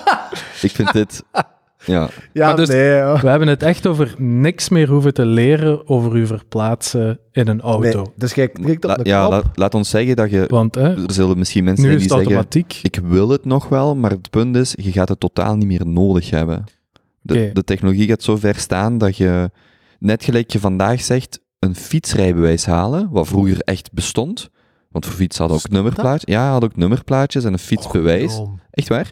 Dat je, dat, dat gaat gewoon niet bestaan. De, de, de notie van een autorijbewijs gaat zo vreemd zijn over 18 jaar, dat wij daar niet meer... eh, Ja, ik definieer het wel anders. Oké. Ik denk dat er wel een... zolang je eh, pot maar kan delen. ik denk dat er... eh, ehm, ik denk dat er nog wel rijbewijzen gaan ontstaan, Hmm. bestaan, Eh, omdat, er volgens, omdat volgens mij autorijden een, een hobby gaat worden. Ja, ja maar, maar het is daarom wat ik zeg. Ik denk dat over 18 jaar, als je wilt, je nog steeds een rijbewijs gaat kunnen halen. Ah ja. Maar je gaat daarvoor niks nodig hebben. Ah ja, Zo- als het is dat je hobby is om op Ja. Spa-Francorchamps te gaan. Ja, ja, dus Ja. Dat, is, dat is bijvoorbeeld zeggen, je bestelt eigenlijk een auto net gelijk je vandaag op een trein stapt als passagier. Je hebt geen rijbewijs voor een trein nodig, je stapt daar gewoon op, want je bent een passagier. En ik denk dat de auto exact hetzelfde gaat zijn. Je gaat die nemen, je bent een passagier omdat die auto zelfrijdend is, zelfsturend, alles wat je wilt. Maar je gaat zelf geen rijbewijs meer nodig hebben om je via een auto te verplaatsen. Dan spreken we wel over hetzelfde. Ja. Zo, ja. Ja, Dus je kunt, pakt van Limburg, Draai die microfoon eens een beetje. je kunt van Limburg naar de zee met een iets dat op zijn minst veel lijkt op een auto zonder extra papieren dan je nodig hebt om de trein te pakken. Pak- Ik zie het echt als gewoon Mhm. just-in-time eh, mobiliteit. Dus je klikt Ja. op je knop, of zelfs je moet nu op een knop klikken, want uw agenda is Hmm. gelinkt Ja, maar wacht, op eh, nu zit, je, nu zit je eigen weddenschap aan het ondergraven. Zeg gewoon ja op wat hij zegt. 18 Ja. jaar is wel lang natuurlijk. Ja, en ook, vergeet niet gelijk Poppy, hè? Want ik was er laatst met iemand over aan het babbelen. Ja. Die technologie, die ligt al gewoon twee jaar op de plank. Hè? Het is gewoon dat steden en gemeenten niet mee willen om zoiets uit te Mhm. rollen, bla bla bla. Maar die apps, die wagens, dat bestaat Ah, ja. allemaal. Ze krijgen dat gewoon niet uitgerold of de, de, de legislatie blijft achterhangen. Maar, Dikwijls zo, hè. Ja, dat is- en zeker als gezegd, hij heeft ook gezegd, van Hasselt naar de, naar de zee, dat is allemaal autostrade. allemaal zeker. autostrade, dan pak ik hem zeker. Ja, dat is wel waar. Als je zegt van Hasselt naar Oostende Nee, zonder 18 de jaar. snelweg te pakken, Ja, maar, het is dan. door, door, door, Ik ga toch moeten terugkabbelen, denk ik. 18 jaar is inderdaad. Ah, ik, ik ben nu 18 nee. jaar en terugtellen, tellen, dan is het. Jong, toen speelden wij nog ja. met, wacht, 18 jaar, Jongen, 10 toen- jaar, Dat was Windows. eh, 2001. amai. ja, Ja. Iedereen nog op Windows Ze waren er al wel geen 98, 2000. Ja. Langs de andere kant, maar ik twijfel toch. Hè? Want er is, er is een grote leap tussen Windows Pact 98 en nu. Maar ook niet zo gigantisch. Er is veel vooruit gegaan op ik internet. Ik begrijp waarom je twijfelt. ja, Ik begrijp dat. Maar ik, het is geen 0 naar 1. nee. Ik zou echt... Nee. Ik wil zo hard wedden. Ik wil ook wel ergens, maar niet... Oké, laat ons dan. Laat het ons dan een beetje... 500 euro, Van 250 van hem, 250 van mij. Of 500 euro van u. Ho, ho, wacht. Als Twee, wij twee keer winnen... 250. Als wij winnen... Man, het is binnen 18 jaar. Kom aan. Als wij winnen, dan betalen jij ons 500 euro. Dat is 250 euro elk, maar daar zullen we dan wel- mee gaan eten of zo. Ehm, Mhm. als jij wint, dan betalen wij 500 euro voor jouw, voor jouw kleine. Ja, Ja, is goed. Deal? oké. Dus dat zie je bij vereeuwigd, hè? Ja, oké, ja. Oké, Alright. nice. Dus ehm, op 12 november 2037. En laat hem nu misschien nog eens even wat straffer doen. Ehm, vijf jaar. Op vijf jaar. Op 5. Gelijk je het net beschreef. Ja. Oké, ik weet u 250 euro dat dat niet is op 5 Ja. jaar. Oké, die weddenschap wil ik ook wel aan. Oké, oké. Nu zijn we heel straf. aan het 12, 12 november 2024. Ja, We En hebben het hier niet over een of ander KU Leuven universiteitsclubje Nee, nee, dat daar een auto het- gaat nee, zetten. Hè? ik, heb het, ik, ga, iedereen. ik ga mijn weddenschap omschrijven. Dus Ja. het is 12 november 2024. En stel, ik woon hier nog tegenover. Nee, dan won ik daar. Oké, nee. Oké. Ehm, en ik moet naar een afspraak in Brussel, centrum. Mhm. De trein is om een of andere reden geen optie. Ik kom beneden gewandeld. De auto staat klaar. Mhm. Ik stap daarin. Ik ga niet zeggen dat er geen stuur en pedalen niet meer in zit. Dus ik denk dat als we over 18 jaar spreken, dat het eerder iets gaat zijn dat je kunt liggen of in kunt... Allee, Gelijk de trams in. eh. bijvoorbeeld. Ik denk dat dat nog wel een voertuig gaat zijn gelijk als dat wij het kennen, maar dat ik zonder het stuur en de pedalen aan te raken van bij mij thuis en op mijn locatie in Brussel Centrum wordt afgezet. Ik- Gaat je zover als te zeggen dat je dat overal in Vlaanderen gaat kunnen nemen? Want nu zeg je Antwerpen en Brussel, daar zou ik al eerder geneigd zijn, maar ga ik dat in... Ik denk dat het technisch, technologisch gezien mogelijk zou zijn om dat te doen, maar ik weet niet gelijk- of dat het daarentegen al gecoverd is over heel Vlaanderen. Ja. Ik weet niet wat die vloten, vloten rendabel gaan zijn om te laten functioneren. In Ja, dus ergens tussen de centrumsteden. Laten we het daarop houden. Maar Hmm. voor mij ga ik de weddenschap over dat het technologisch feasible is en dus ook in gebruik zal zijn om dat te doen. Ja, nee. Maar aan de ene kant, het bestaat vandaag al. Hè. Het is gewoon wettelijk niet, niet, niet toegestaan. hè. Nee, ik weet, niet wat ik weet niet of dat de technologisch daar al... Ik denk dat dat wil ik zelfs sterk in vraag trekken, dat de Hm. technologisch daar al staat. Hoezo? Je kunt toch vandaag met je autopilot al heel ver Op de autostraden. Ja, ja, op de, ja, zo, op de autostrade. Door een stadscentrum is nog wel even iets anders. Wij hebben het er eigenlijk in onze rit naar Zwitserland ook over gehad. Ehm, ik denk dat een, een groot vraagteken is bij wie dat de verantwoordelijkheid ligt als je iets aan de hand Ik denk hebt. dat we daar gewoon nog lang... Zolang die verzekeringen niet weten op wie dat ze kunnen steken, gaat dat Ja. niet komen. Ja, gaat dat heel, ja, gaat dat heel moeilijk zijn. Maar je zegt dat nu. En toch rijden al die Tesla's vandaag al op de autostrade. Ja, maar daar, ja, ja, maar dat, Maar is- Daar kan ook een accident gebeuren, hè? Ja, maar je rijdt nog, hè. Je rijdt nog zelf. Dat is iets Allee. anders dan wat jij, jij zegt echt Je gewoon... rijdt zelf. Die mannen rijden, ja, maar dat stuur niet vast. hè. Ik heb, Nee, nee, maar die zijn wel verantwoordelijk. Die kunnen Ja. wel voor een rechtbank gedaagd Oké, worden. Ja. Ja, ja, maar Ja, dat, ja. dat was dus Ja, ja. onze discussie. Mhm. Van als je morgen een autonoom bedrijf hebt en dat stuurt, of zelfs een, een menselijk geleid bedrijf, maar dat stuurt autonome wagens uit, Ja. waar gaat de verzekering aankloppen als er een accident mee gebeurt? Is dat gelijk bij een trein, als passagier heb jij niks te maken met een accident? Is dat gelijk in een auto, als jij tegen rijdt, zit je zelf hè, zit je een fout en wordt het op u verhaald? Ja. Ik vraag me echt af hoe dat, dat gaat gaan.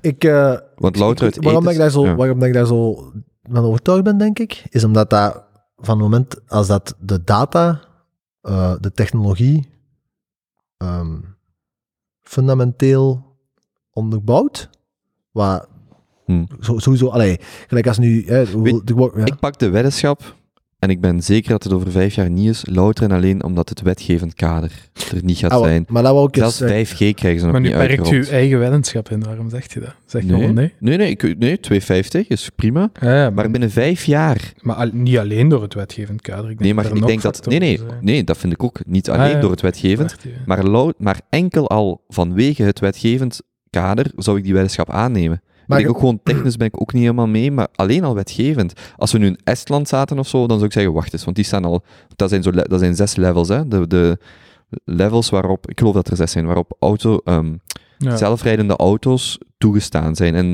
ik geloof dat ze in Estland van de zes levels, een zes is dan volledig autonoom, zit ze al op level 4 en wil ze naar 5 gaan. Wij zitten dan op level 2 of 3, dat weet ik nu niet meer. Ehm, en- maar ik denk dat enkel daar al in België het heel moeilijk gaat zijn. Maar beeld er nu het volgende scenario eens in. Er zijn nu, denk ik, wat is het, een half miljoen Tesla's die dat de hardware hebben om fully autonomous te, drij- te rijden. Mhm. Ehm, een groot gedeelte daarvan heeft die eh, self-driving software gekocht.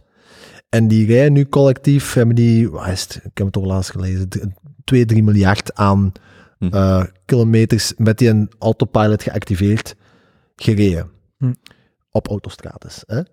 Ze weten nu al, nu al, dat de kilometers gereden op autopilot eh, met een factor 4 veiliger zijn. Naar hoeveelheid accidenten. Er was, nu is het één accident om de 150.000 kilometer, denk ik. Mhm. Nee. Ik, Ja. ik weet de exacte cijfers niet meer. In elk geval, het was nu, nu kunnen ze als aantonen, kijk, meneer de wetgever, de beperkte functionaliteit dat we nu hebben, zijn al vier keer veiliger. Mhm. Die hoeveelheid auto's op de baan neemt exponentieel toe. De algoritme leert exponentieel beter alle ehm eh, tail-end gevallen identificeren en juist reageren. Dus volgens mij gaat dat de komende jaren heel snel gaan. En die gaan met elke maand opnieuw gaan die kunnen gaan aantonen van hey, zie je eens?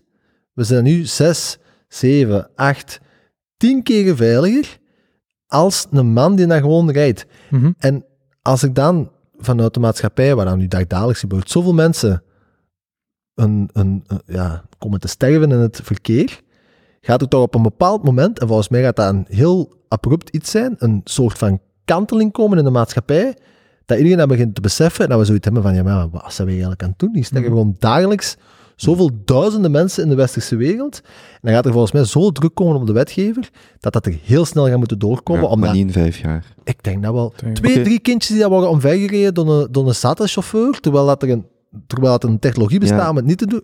Maar ik denk dan dat je al veel sneller zoiets gaat zien bij autonome vrachtwagens, bijvoorbeeld, dan bij auto's. En ik bedoel, de technologie is heel gelijkaardig. Ah, ja.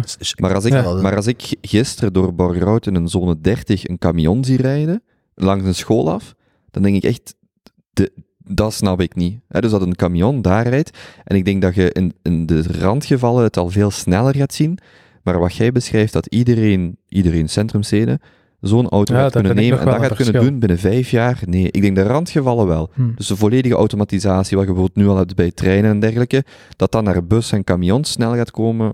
Ja, maar- waarom maar- zou ze het met een voertuig- camion toelaten en niet met een wel. Omdat daar, eh, één, omdat de schade groter is. Twee, omdat daar meer een... Absolute cijfers niet, hè? Nee, maar een bedrijf, het is anders als een bedrijf in die technologie moet investeren, of elk individu. Want ik, waar ik al direct aan denk als je dat vertelt, is de hele platteland-stedelijke discussie, daarom dat ik het ook daarnet even vroeg. Het is fijn dat je al die auto's in de steden hebt. Ehm, wat gaat het ook allemaal kosten? En gaat je dan die dekking wel... Ik, ik zie dat gewoon niet in vijf jaar. In Ja. 18 jaar pak ik hem wel. En ik daar zeg hebben we niet, maar ik zeg niet dat iedereen het moet kunnen. Hè. Ik zeg dat als je het wilt, dat je Hm. het kunt doen. Dat is weddenschap, hè? Dat, dat is voor die binnen vijf jaar. Ja. Binnen vijf Ja. jaar. Ja, ja. Ja, En dat, met- jij, dat jij en ik het kan, als we het willen. Ja, nee. Nee, voor, om verschillende redenen. Ik denk nee, dat is goed, dat is ik goed. Dat vind weddenschap. het punt wat je net maakt van de veiligheid en die druk, dat volg ik. Maar ik denk, één, wetgevend niet in vijf jaar. We kunnen nog geen gascentrales bouwen. Laat staan dat we dat al gaan doen. Want er moet dan- niks gebouwd worden. Twee, verzekeringen. Nee, nee, maar ik bedoel, hoe, ik denk dat je overschat dat dat in vijf jaar kan gebeuren. Ik denk dat er nog, hoe erg dat ook is, Ja, ik, denk dat er nog, Tesla-aandelen zeker. ik denk dat er nog vele duizenden mensen moeten sterven voordat, dat effect, voordat die druk groot genoeg is. Dat denk ik echt, en dat is, en dat is heel jammer, maar er moeten nog veel mensen sterven voordat ze echt zeggen, en nu is het genoeg Ik zeg, geweest. ik zeg twee, drie eh, sch- schattige eh, jonge meisjes en Mhm. je weet dat dat mogelijk is. Jongen, die druk vanuit de maatschappij gaat veel te groot worden. Laat ons dan beginnen met Maar een druk van 250 euro. Ja, voor mij goed. 12 Ja. november 2024. Ja. 250 euro. Eén van jullie twee gaat op die dag 250 euro. 250 zo'n auto euro. pakken. Ja, ik zal ik het doen, hè. En opnieuw, iets dat readily available Nee, is. nee, hè? één Niet- van ons twee gaat op die dag geen auto pakken. ja. en, en de luisteraars, want, want jij zit zeker van je stuk, ehm, Ik contacteer, Zijn, ja, contacteer, nee, ik zal, het zo, ik zal het dan zo zeggen, voor de luisteraars die in willen op de weddenschap, eh, laat bij niets weten, hè. Ehm, Ja. ja. ja, ja, Ah, ja, voilà. Laat altijd Ja. weten. Ben benieuwd. Of doe het gewoon synthetisch, maak een weddenschap op onze weddenschap, en, eh, maar vind Ja, ja. u een andere gek. Dat is dan leverage. En, eh, Ja. Dan kunnen we de hele Kan ook leuke dingen winnen, Ja, gelijk die clip in The Big Short, Ja, als voilà, ja. Selena Gomez en Dat eh, Richard zalig. Taylor dat uitleggen, zo die bet in de, in de casino en dat ze dan allemaal mee aan het winnen zijn. Op welke dingen kunnen ze nog al eh hedgen, Kobe?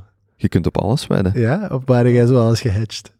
Nee, wacht. eh, op wat Geleveraged. Geleveraged, Met margin. Ja. Ah, ja, ja. ja. Exponentieel. Er zijn wel wat dingen. Uh, waar, waar heb jij zo alles gedaan? Ah, wel, laat ons eh, verder gaan naar eh, vraag 2. Eh, Ik wil wel, mag, mag ik nog één ding vertellen? Ja. Ik ga in december, ik ga niet de datum zeggen, want jullie zijn idioot genoeg om daar met een spandoek te komen staan, maar ik ga op speeddate. Oeh la la. oh, Iemand, nee, niet de datum. Weet jij de datum? Nee, maar je hebt gezegd waar. Maar wat speeddate Oh ja, is... heb ik gezegd. Ja, ik oh, heb shit. Ik zie echt al staan met een plakkaat. Ja, maar nu heb je het idee gegeven. opkomen. Met een, dat is de- met- in groepen dan. Ja. Ah ja, Ja. oké. Ehm, dus iemand vertelde daarover laatst over, van eh speeddates zijn eigenlijk heel leuk, maar je moet bij de juiste organisator slash, en dat is anders is dat niet zo, niet, allee, daar zit veel marge op. En dan is die persoon ergens aan speeddate geweest en heb ik gezegd, dat wil ik ook doen. Heb ik die, eh, heb ik daar, zag ik op hun, zag ik ergens dat zij een speeddate binnenkort organiseren, Ja. in december. En ehm, Voilà. heb ik contact opgenomen en gezegd, daar kom ik aan deelnemen. Maar je hebt dat toch ook eens... Ehm, ik ga het niet zeggen, want dat vernauwt de zoek. Maar het is relatief goedkoop. Het is minder dan tussen 0 en 250 euro. Vol, eh Nee, het is is- 150 euro, dat vind ik Een toch al vol, ja. Nee, het is relatief goedkoop. Kunnen ze dan eh, een autonoom rijden weddenschap mee doen met 250 euro? Mm, ik wou een visum opmaken, maar eh, mm, dat weet ik niet. Maar ik, ik ben dus heel curieus hoe dat, hoe dat, dat dan loopt. Heb je dan zo, gelijk als je zo twee of vijf of tien minuten, dat weet ik niet, met iemand hebt. Mhm. Ja, waar praat je dan over? Of krijg je een aantal vragen van begin hiermee? Of ik heb, ik heb echt geen idee. Spannend. Ik Ja. en Elke hebben dat eens gevolgd bij jullie daar in de strandbar. Vorige zomer, denk ik. Hebben we nou ooit speeddates gedaan? Ja, Dat ja. ik niet denken. ja er was, ik denk dat de Franco daar toen was. Nee, je had toen, ja, nee. Waar, waarom ging je toen speeddates doen? Nee, nee, maar achter de bar stond. Ah, zo. Ja, ja. Ah ja, ik dacht al. Ja. Dat zag er eigenlijk wel heel... ja, we hebben dat zo van een afstandje bekeken. Een paar knappere mensen, een paar minder knappe mensen, een paar interessante mensen, een paar minder. Ja, weet je, ik denk wel dat ik het eh, gemiddeld omhoog haal. Op alle voorgaten dan. Hoe? Op alle voorgaande elementen dan. Op alle categorieën. Ik heb alleen De eh niet-knappe? schoonheid eh, verstaan. Ah, Nou, ja. ah ja, knap. Ja, ja, ja, ja. ja. Dat is de juiste spirit Ja, om te gaan te selectief gehoord. Dat is zeker. Ja, en ik, ik, ben- ik weet nu ook niet zijn met 10, 20, 30, 40, dat weet ik niet Ja. exact. Ja, Ehm, je moet denken, hoe lang duurt het? dat weet ik zelfs niet. Dat, dat kan ik opzoeken. Volgens mij is het altijd vijf minuutjes. Mhm. Ja. Werk maar aan uw elevator pitch. hè. Hallo, ik ben Kobe en ik ben podcaster. Oh, podcast. Al zou dat niet vreemd zijn als iemand zegt zo, ik herken uw stem. Oh, dat is Ja. creepy. Dat, dat gebeurt al hoor. Dat gebeurt Ja. al. Echt? Dat mensen zeggen, ja, je hebt, eh, ik herken uw stem. Och, Iemand, iemand heeft mij, dat zelfs, dat is, eh, de eerste keer dat dat gebeurde is drie jaar geleden op een evenement van KBC. Ik ben met iemand aan het babbelen. En ineens kijkt hij zo naar mijn naamkaartje en die zo, ik herken uw stem. En die kijkt zo naar mijn naamkaartje. Die, zegt zo, zit jij die gast van kapitein Kobe? Ja, ja. Zo heette de show toen nog. Ik zo, Maar heb je dat nu nog eens meegemaakt? Eh, nu zeggen mensen meestal, oh, je hebt een radiostem of ik luister graag naar uw stem. Maar de- toen was het echt iemand dat ik niet kende die zei, ik herken uw stem. Ah ja. En nu wat wel, ah ja, nee, gisteren, hier, eh, dat ik tegen iemand zei, nee, die herkende de naam van het programma. Die herkende niet mijn stem. Maar ik denk wel dat dat, dat, dat dus het kan gebeuren. Dat zijn goals. Ja, nee. Hashtag Kobe. Nee, dat is niet echt een goal, maar dat is wel, dat is wel grappig. als- Ik vind dat grappig als dat gebeurt. Dat snap Hm. Ik heb wel nog een lijstje vragen voor u, anders voor die speeddate. Eh, ik heb ze zelf al een paar keer geprobeerd om in een achterzak te Daar hebben we het al over gehad. Hè? Bij Tinder dates. Gaat het over Ja, die maar- 36 vragen? Ja, ja. Throwbackske. Ja. Pak ze mee, hè. Ja, ik was daar... Guaranteed. moet misschien eens, moet misschien eens oefenen. Heeft wel niet de beste indruk, denk ik, als je daar met een A4 zit. Ja. Checklist. Krijg je niet van die organisatie zo eh, wat, Denk hè. guiding? Dat weet ik ook Ja, niet. dat is uw opdracht. Hè? Wanneer heb jij voor de laatste keer geweend? Eh, zaterdagavond. Ah, ja. ja, je, je waart erbij. Oh, het was zo zielig. Kloogwenen telt niet, hè? Komen. Het was nog altijd Ja, maar het was wel... Het was wel, het was wel Ja. tranen. de hele avond van afgezien. Je zegt nu wel dat dat voor de gloog is. Volgens mij was dat gewoon omdat dat de laatste avond samen was. Ja, denk, ja, Ja. dat was de voorlaat. Nee, dat was de laatste. Nee, dat was de voorlaatste. voorlaat. Anyway. We, we hebben de duurste pizza ooit gegeten. Twin- Ja? 20 euro voor een pizza. De tweede was wel beter. We zijn twee keer pizza gaan eten. Mhm. Ik, eh, ik een, een goede maat van mij en eh, zakenpartner, Axel, ehm, is al enkele jaren de zoektocht aan het doen naar ehm, de beste pizza ter wereld. Alright. Is, is grote pizza-fan. Dat snap ik, hè. Ja, gaat dus ook in elke citytrip dat hem doet, zoekt hem op online. Was de beste pizzazaak. Hier in Antwerpen heeft hem ook al een zeer grondig onderzoek gedaan. Ehm, En welke is het beste in Antwerpen? dat weet ik niet. Maar, wat Ja, ik nu wel weet, Dat is nu het enige wat Nee, nee, iedereen nee, wil nee, nee, weten. nee, nee, nee, nee, nee, nee. Iedereen dat hier naar luistert nu zegt... Allee, gast. Ik zal het hem vragen en ik zal het de volgende keer weten te vertellen. Dank u, Benny. Voilà, Oké. Nu, het ding was, die is een half jaar geleden naar Kopenhagen geweest met zijn vriendin voor zijn verjaardag in mei. En hij kwam terug en ik vroeg, Axel was het in Kopenhagen. En hij zegt, ik heb de beste pizza van de hele wereld gevonden. dat was het eerste dat hij zei. En is toen echt Die een Italianen. kwartier aan het reven geweest over hoe goed dat die pizza was. Ik zat dus twee weken Ah, geleden ja. in Kopenhagen met een groep vrienden. En een van de dingen dat op het programma stond, was om die pizza te gaan eten. Tuurlijk. Een ex-chef van Noma heeft dus een Italiaan gestart in Kopenhagen. En ehm, wij daar naartoe. En de Axel bleef zich dus echt... Is, die, was de laatste avond dat we daar zijn gaan eten. En die heeft dat dus heel dat weekend lang blijven verkopen en blijven ophemelen. Ah, ja, ja, dat, En dat ik dacht, goed, wij dachten allemaal, Ja, Axel, dat kan gewoon niet. Dat kan niet dat dat zo goed gaat zijn als dat jij al een half jaar aan het verkondigen bent. Dus we hadden echt, allee, eh, eh, ja, we hadden er niet de grootste verwachtingen bij, want we dachten, dat kan gewoon niet. We zetten ons bij de Italiaan, wij bestellen daar pizza, ik bijt van die pizza, oh my god. Letterlijk, beste pizza ooit. En. Hoe heette die zaken, of wat was dat? Oei. Ja. Eh, Zo, allee, jong. wacht, jongens. Ik heb een vriend die zoekt de beste Digitale hulplijn. De beste pizza in Antwerpen, weet ik niet. Komt De eraan. beste pizza in Kopenhagen, weet ik ook niet. Komt eraan. Twee seconden. Mag ik nog iets voorlezen? Ja, Dus, Beast. Zo noemt de pizzazaak. Beast, Beast. pizza. B-E-A-S-T. Hm. oké. Beast. Oké, dus iedereen naar Kopenhagen. Pizza Ongelooflijk. Lekker. Wat een weekendje in het warm water met u kan doen. een stukje voorlezen dat in mijn boekje is Stukje geschreven. proza. Een stukje proza. Mhm. Is dit eh, licht erotische homoseksuele literatuur? Geen Of idee. Samen schuiven we langzaam het warme water in. De licht... Allee jongens, stop met lachen. Hoe kan ik dat hier niet serieus voorlezen? Oh, kan... Allee. Samen schuiven we langzaam... heb je al meningen? Samen schuiven we langzaam het warme water in. De lichte winterbries koelt ons gezicht, maar onder het oppervlak van hot therme, water, blijven onze warme... Oh, sorry. Maar onder het oppervlak... Opnieuw, opnieuw. Vanaf, Allee, vanaf het ja, begin. maar Ja, maar ja, best, hè. jong. Maar ik kan dat niet lezen. Maar onder het oppervlak van hot. En met, een- met enige Ja, ja, passie. oké, komen met enige overtuiging. Samen Ja, schuiven we langzaam het warme water in. Allee, joh. De lichte winterbries koelt ons gezicht. Mm. Maar onder het oppervlak van hot therme water blijven onze handen warm. We glijden gracieus door het stomende water en komen tot rust op onderwaterlichtstoelen. Onze handen komen toevallig tegen elkaar.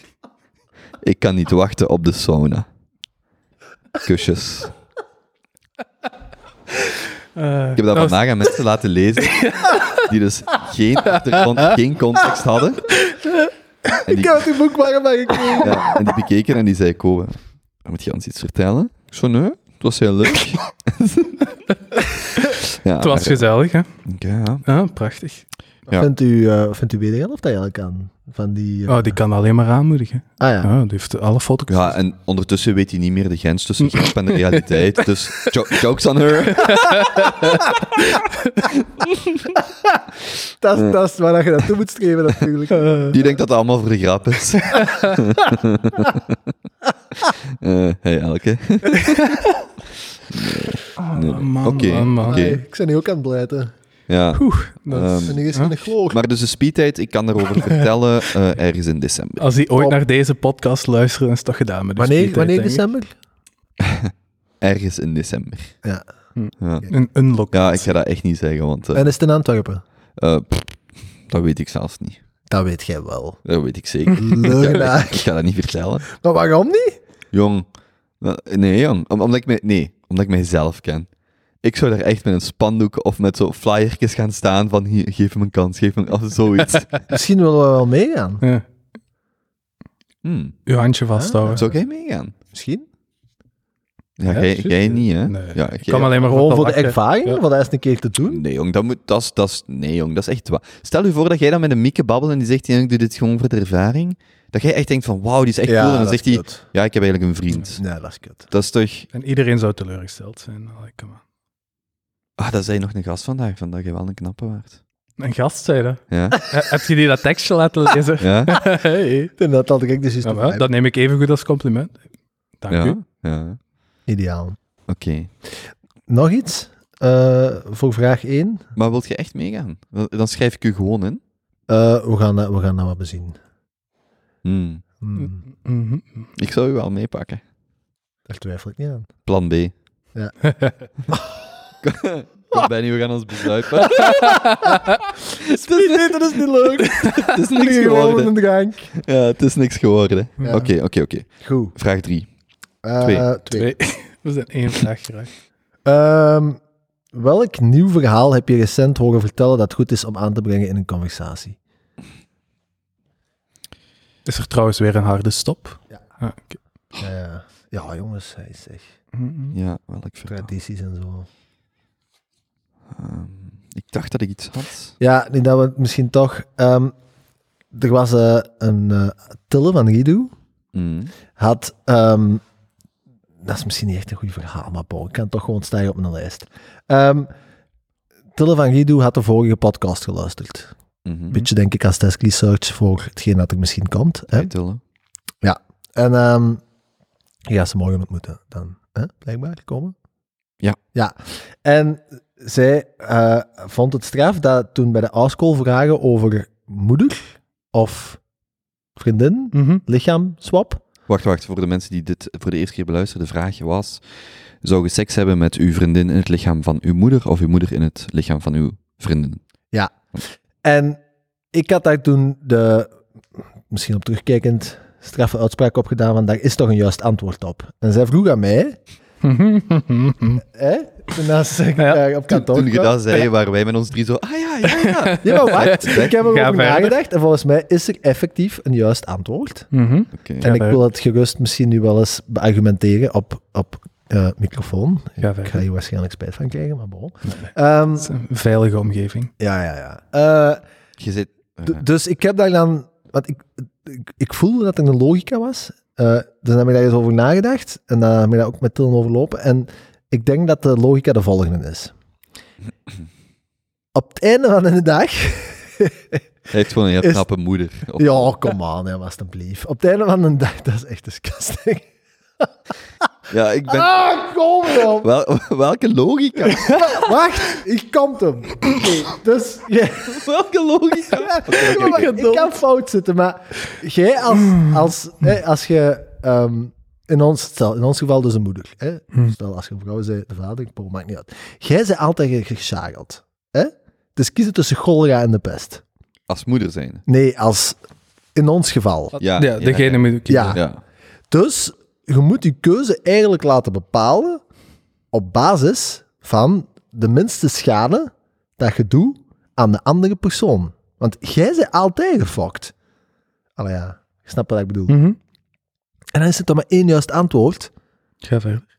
De ziel van uw vriendin in het lichaam van uw moeder. Want je hebt nog altijd wel... Dus je zegt wel gewoon... Je hebt gewoon seks met de ziel, met het individu, met de persoon Hm. van uw vriendin. Jij zit toch sowieso... Je zit sowieso... Allee ja... Ik denk dat we dit gewoon moeten laten hangen zoals het is. Nee, Want- ik denk dat dat gewoon keihard juist is. Dat is toch, dat is toch juist? Dat is toch, een, dat is toch staalharde logica? Of niet? Dat is eh, staalharde logica. Och, kom, mannen. Doe nou niet onnozel. Nee, maar is het juist of niet? Want ik was er geen over aan het denken omdat Tille dat vroeg. Ik denk niet dat daar een juiste antwoord op is, maar Ah, ik, volg, kom. ik volg het wel. Ik volg. Ik moet eerlijk toegeven dat ik het wel volg. Het is... Maar met die eeuwige vraag die dat al Hm. Het decennia licht lang uit. op café wordt gesteld. Hier even... Bepaalde cafés misschien. Ja. Dat is toch juist? Niet? Voilà. Licht. Kopen, jij hebt hier zeker een mening over, hè? Tim. Dat, maar op het weekend eh, is die vraag nog eens gevallen en wil er echt niet op ingaan. Hè? Ik vind dat een heel vettige vraag. Dat Oh, is een heel vettige vraag. Tuurlijk, dat is de bedoeling van Askhole. Daar gaat het toch om. Daar gaat het om. Mm, mhm. Ja, oké. Allee. Oh, dat is echt... Ja, wauw.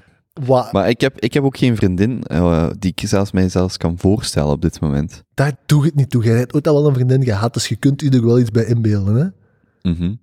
Dat is niet... het Ik kan mij niet over dat beeld krijgen. Nee. Ja, maar je moet je het niet inbeelden. Het gaat over de logica van het, antwoord dat ik hier gegeven heb. Dat is toch rocks, dat is toch solid?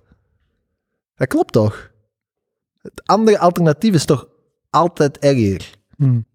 nee, dat is alle twee even erg. Er zit geen logica Ah. in het ene. Dat is niet waar. Ja, ja, Benny, kijk, als jij liever je moeder... eh, Oh, Leon. Dat heeft niemand nee, gezegd. Dat heb ik niet Nee. hier, hier moet ik je wel bij staan. ja, dat is waar. Eh, zo. Maar ik volg wat je zegt. Ik, ik kan... Ja, nee. Ik begrijp wat je zegt over schade, maar... Dan kun je even goed... Oh. Kom aan. Zeg Dus het. dat- ik heb het niet op Keep camera it niet mogelijk, going. maar... Wel. ja. Nee, ik was aan het denken... Nee, jongen, dat is zo fout. Nee, nee, nee, nee, nee. En er wordt niet geknipt, hè. Nee. Ja, nee. Ik ga hier ook nog spijt van krijgen. Hm. Ja, als jij ooit trouwt, Ja, dit, dit wordt maar- afgespeeld. Oh, kom maar, alsjeblieft. Laat het hem. Nee. Als je zelf niet durft antwoorden, Dat dan mocht je dat ook. Ja, hè? nee. Nee, oké. Ehm, ik ga wel antwoorden op de andere vraag. Eh allee, op de, op de originele vraag. Ja, goed eh, wat je gehoord hebt. Wel, ik zat ehm vorige week dinsdag, woensdag in een café. En daar zaten drie meisjes, vrouwen, tegen elkaar te babbelen. En eentje zei, een spiraal, dat is gewoon even poef erin. Zo zei hij dat. Oké. Dus dat heb ik geleerd. Want de andere die dacht, of die zei dat doet pijn, of dit of dat. En die zegt, nee, nee, spiraal, dat is gewoon poef erin. Zo zei hij dat. Dus dat heb ik geleerd. Dat vind ik een verhaal om te delen, of hè? Eh, wacht, dat was één ding wat ik de moeite vond om te delen. We Twee, gaan omhoog, hè. het is twee ik heb ook in de, in, in, in de context van neutraal woordgebruik geleerd om niet meer louter naar vrouwen en mannen te verwijzen, maar vrouwen zijn bij deze menstruerende mensen. Alsjeblieft. Echt waar, ik heb het in een, Kom on. ik heb het in een krantartikel deze week gelezen. Menstruerende mensen, want dat is eh, politiek correcter dan vrouwen. En dan, Dat is alles wat ik erop te zeggen kan ik waarschijnlijk een spijt van krijgen. maar... nee, maar kijk, de wereld bestaat uit menstruerende mensen en ejaculerende mensen. Maar er zijn geen mannen en vrouwen meer. Dus we gaan ons niet meer onderscheiden op basis van ons geslacht, maar op de lichaamstappen die dat we onderscheiden. Ja, voilà. Blij dat je Ja. mee bent, Ben. Oké, je mee... lijkt me vooruitgang dan. Ja. Niet? Ja. Get with the times. Ja, top. Ook echt belangrijk dat die zaken worden uit. Er is niks Ja, ja. meer prioriteit als een herdefiniëring van de seksen op basis van de lichaamstappen dat we... Ja. Ja, Anders zouden we verwacht blijven. is inderdaad. Stel je voor. Ja. Ehm, en dan een verhaal wat ik ook als podcast ga inlezen, want voor de mensen die dat weten, ik heb ook zo'n aantal artikels ingelezen, eh, die ook op deze feed staan. Jonas vermeldde tijdens onze babbel iets over, eh, tijdens onze reis iets over sweating puddles. Ah, Maar dat bleek dan een artikel... Sweating? Sweating Puddles, maar ehm, Ja. dat bleek dan een artikel met, het staat op medium.com, genaamd, wacht, ik heb het opgeschreven, denk ik. Ehm, ik heb het half opgeschreven, Four Easy Steps Ja, to lose weight. to Lose Weight. Ja. Maar de cru, het zijn dus vier, vier, steps, eh, vier stappen, maar de cru is stap drie, waarin het gaat over eh wordt gedumpt en wordt keihard gedumpt. En hij schrijft dat op een grappige manier, Dat ik ga dat Een inlezen. geniaal Ja, ik vond, ik vond het ook, eh, ik heb het gelezen. en Kent je ik, zo die leuk. kickstart die je kunt krijgen als er een break-up is van je eigen leven terug? Ja. Daar gaat dat gewoon over. Ah, ja. Super Ja. goed geschreven, heel Ja. goed uitgelegd. Eh, Ja. Ik denk dat veel Genuanceerd ook. ejaculerende mensen zich daarin kunnen vinden. Ja. Ja. Ejaculeren. Ja, blijkbaar is dat. ja, maar ik denk ook dat dat voor de Menstruerende menstruerende... mensen. Allee, we sluiten niemand uit. Ja, nee. nee. Oh, man. Maar echt Ja. een goed artikeltje. Ik heb dat zelf ook gelezen, um, vijf jaar geleden of zo, na mijn fantastische break-up. Je gaat de monoloog doen, of hè? Ik Ja, ik ga, hem, ik ga hem wel in, ik ga hem inlezen. Nee. Die zal deze week ergens Nu? ook online... Nee, nee, ik heb het niet bij. Oh. Nee, dat is zo'n artikel van Het is zes nog wel- ja, pagina's. het is wel een Maar dat is best lang. Ah, zes bladzijden echt. Ja, omdat ik in het verleden heb ik ook zo tweetstorms en andere artikels ingelezen. En dat ga ik bij deze ook doen. En dus dat gaat gewoon in die feed komen. Mhm. Ehm, Het is zo grappig en relatable en Ja. echt goede punten. Ja. Goed geschreven. Ja, dus als je de volgende keer denkt, eh, verdomde kut menstruerende mens, ehm, Hm. dat kan helpen om, of dat is zo zijn standpunt, dat kan helpen na een relatie om er terug, om terug te motivatie Ja, te... erin te Ik ben vliegen. benieuwd. Ja, ik ook. Ja. Ehm, Oké. Maar je hebt het dus wel al gelezen. Ja, ja, Ja, ja. Ik, vond het, eh, ik vond het echt goed. Ja. Oké. Dus dat waren mijn drie verhalen. Puntje of vraag 3, sectie 2. Je moest zowel geïnteresseerd zijn in mislukken als in succes. Komen we bij vraag 3. Heeft iemand die je kent onlangs gefaald in zijn bedrijf slash werk en heb je de oorzaak hiervan gehoord? Altijd een moeilijke. Ik heb er wel, denk ik. ik heb over laatst iets gehoord en ik vond dat echt... ehm allee, gehoord, ik heb er een podcast van gehoord, een oude Joe Rogan. Een dame, en die noemt Courtney Dow Walter. En die heeft de Mohawk 240. Dat is een van de langste loopwedstrijden van de wereld. 240 mijl. Dus wij zijn Maar 360 kilometer, give or take. ja, Nou ja. Ja, 3,75 of zo. ja. Ehm, die heeft hij gewonnen in 2018. Mhm. En nu komt de kicker, of het fascinerende eraan. Die was eerst. En daar liepen zowel mannen als vrouwen mee in die wedstrijd. Dat was... Allee, dus... eh, pardon. ehm ik weet niet wat je en menstrueren. ja. Dus ja, Zo, on- zo ongenuanceerd. We zijn hier wel een vooruitstrevende podcast. Mannen, mijn excuses, ik moet er nog aan wennen. Oh, mag, mag ik maar trouwens... weer al. Eh, dat, dat gaat er weer. Ja, Ejaculatiepact. is- geen houden aan vanavond, hè? Ja. Wist je trouwens wel dat Spotify uw statistieken indeelt op man, vrouw, hoe durven ze? Maar dan ook liever niet en non-binair. Allee zeg. Ja, Ik dus- vind dat we moeten aanschrijven. Ik vind man en vrouw Ja. extreem ongepast. ja. Kort zicht. Dus Courtney is een wedstrijd met Ja, ehm, menstruerende en ejaculerende mensen. Ja, dus eh, exact. en eh, nu komt het strafste. Ehm, dus die heeft gewonnen. En dat is al even af straf, denk ik, in sport, dat een vrouw wint. Als dat een... eh miljard! dat dat een menstruerend persoon is die dat, die dat wint. Als er ook ejaculerende per- personen meedoen. En... eh eh, oh, Ik denk niet dat jij nog gastlessen gaat moeten geven. Ehm, eh, maar nu het strafste. Die eh, was 10 uur sneller als nummer 2. Amai, dat is, dat is wel Tien- echt stevig. Uur. Hm. En die doet dat blijkbaar al ettelijke jaren in eh, de sport van extreme running, of hoe noem het. Ja. Ehm, Hmm. Extreem lange afstand. eh. Ja. die is zo al een paar jaar gewoon de competitie Ja, in, een, wereld. in een karken aan, het rijden- aan het lopen. Ehm, en die was dan op Joe Rogan. En dan vroeg ze van, ja, hoe, kan, hoe doe je dat? Allee, huh? Wat? En die... DMT, DMT. Edible marijuana. Elk meat. Ehm, Jamie. Nee, oké. young Jamie. Ja. Eh, echt. Oh. Mhm. En ehm, De ejaculerende mens is zijn eh, neus aan het snuiten. Ja, die moet eens eh, geledigd worden natuurlijk. Hè. Ehm, en eh dat kwam er eigenlijk op neer dat 100% mentaal. Ja. Die, die, die zuptpunten, die Fred Nachos, die loopt natuurlijk wel veel. hè. Mhm. Eh, maar absoluut niet meer. Er, zou- er waren eh ejaculerende mensen die dat meededen, die dan een marathon per dag liepen als, als training. Fuck, ja. Dat is toch niet, dat is niet gezond. Dat is, gewoon sowieso niet niet gezond. Hmm. Maar ze zei ja, nee, het komt echt neer op het mentale aspect.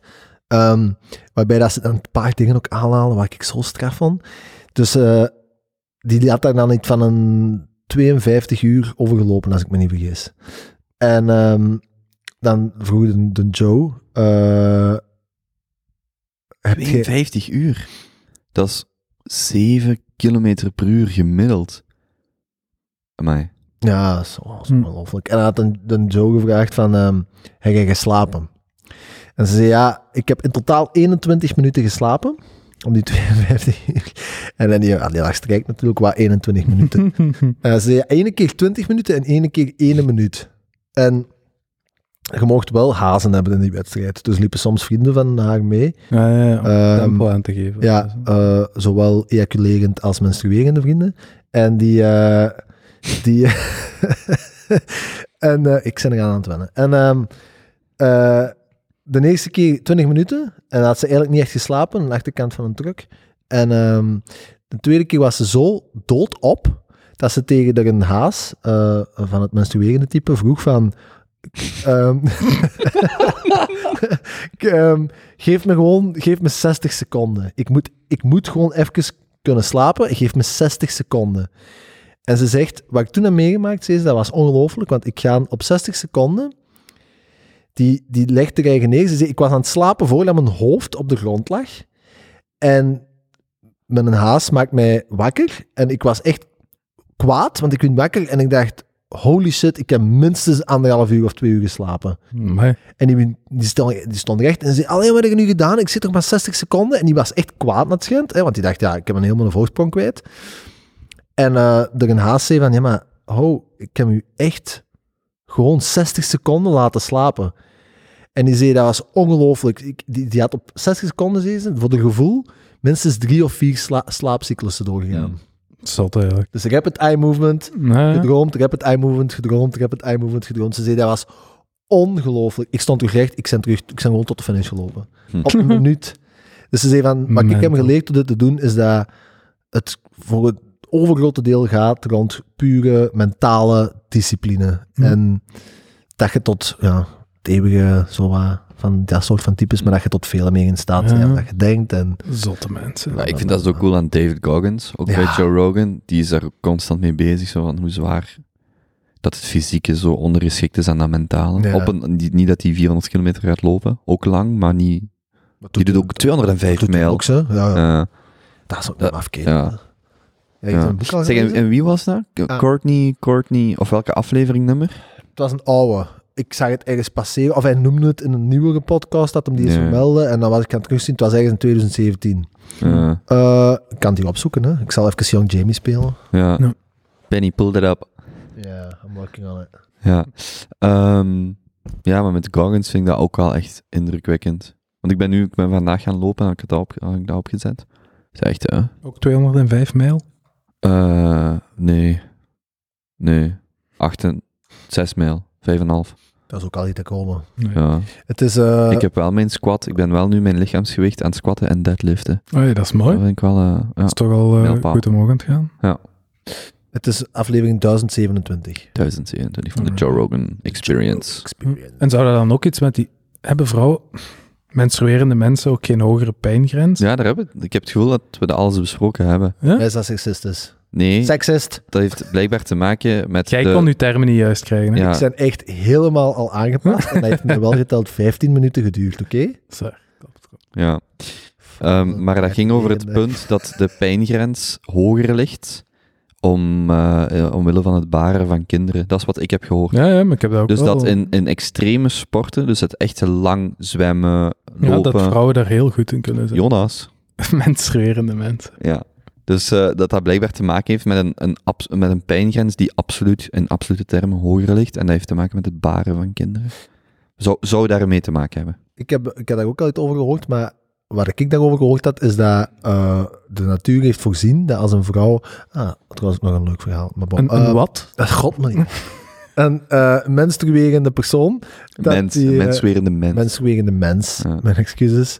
Eh, goh. Oké, menstruerende mens. Menstruerende mens. Ehm, dat, dat die tijdens een bevalling, dat de natuur heeft voorzien dat er een gigantische hoeveelheid endorfines en zo vrijkomen, die daar natuurlijk pijnstillend werken. En dat het heel nadelig kan zijn om daarom die eh ruggenprikken te krijgen tijdens een bevalling. Want dan legt dat natuurlijk systeem stil. En dat natuurlijk systeem heeft de juiste, verhoudingen dat je nog wel voelt van... Oké, nu moet ik even stoppen met te drukken. Allee. Ja. En dat als jij gewoon volledige verlamming doet, dat jij totaal niet meer voelt wat er van onder eigenlijk aan het gebeuren is en dat je dan meer schade maakt. Hmm. Hmm. Ja. Het is een beetje het eh, ibuprofen pakken als je voet ont- gezwollen is om dan te gaan lopen. Dat is- Kun je volgens mij mee vergelijken. ja. Nu dat we toch over eh, zwangere vrouwen bezig zijn. Jongen, ah! Hij is aangepast? Het heeft een kwartier geduurd. ja, aha. Ehm, Allee. ja, jullie kennen, Ja. kennen jullie Steve? S- Steve Dirks is van Mol. De maat ook van Hmm, mij en nee, Franco. en Zegt zo. me niks. Ja, maakt niet uit. Ehm, die eh, is kine en die is nu ortho aan het bijdoen. En dat is er nog eens vijf jaar bij. En die is een, eh, is een prof eh, bij de ortho-opleiding nu. Is gedoctoreerd in ehm, bevallingen in niet-westerse omgeving. Daar had hij de doctoraat over gedaan. En de Steve vertelde dus dat die mevrouw, die menstruerende mens, ehm, had... eh, Hij is echt aangepast. Ja, ja, ja, Oké, ga verder. Had verteld in eh, de les vorige week dat die had dus eh, een geruime tijd in Afrika eh, onderzoek gedaan naar hoe dat menstruerende mensen daar bevallen. Ja. en eh, Steve is het dan zeer plastisch aan het omschrijven geweest, ehm, waarbij dat voor mij een interessant iets was om te lezen, dat dat daar dus allemaal rechtstaand gebeurt. Hm. En dat dat blijkbaar een veel natuurlijkere manier van bevallen is. Omdat, en hij maakte de plastische vergelijking. Je moet je eens inbeelden, inbeelden dat je eh, een nummer 2 moet gaan doen. Ja, ik, Op je, ja, op, het uw- net aan het denken. op uw rug moet gaan liggen. Hij zegt, Mm. jij gebruikt totaal de spiergroepen dat je nodig was hebt. number two voor de mensen die dat niet weten. eh, een drolletje gaan draaien. Mm. Hmm. Ja. Oké. Ehm, en dat je die... Zeg jij niet rug uitschudden? wat, is, ja, wat is verticaal veel makkelijker is dan horizontaal? Ja, ja toch?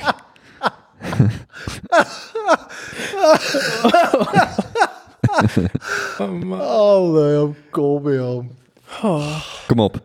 want, want uw harde stop is over vijf minuten. Ja. Oei, laat mij. Ja, Mai, deze was de snelste mij. amusant.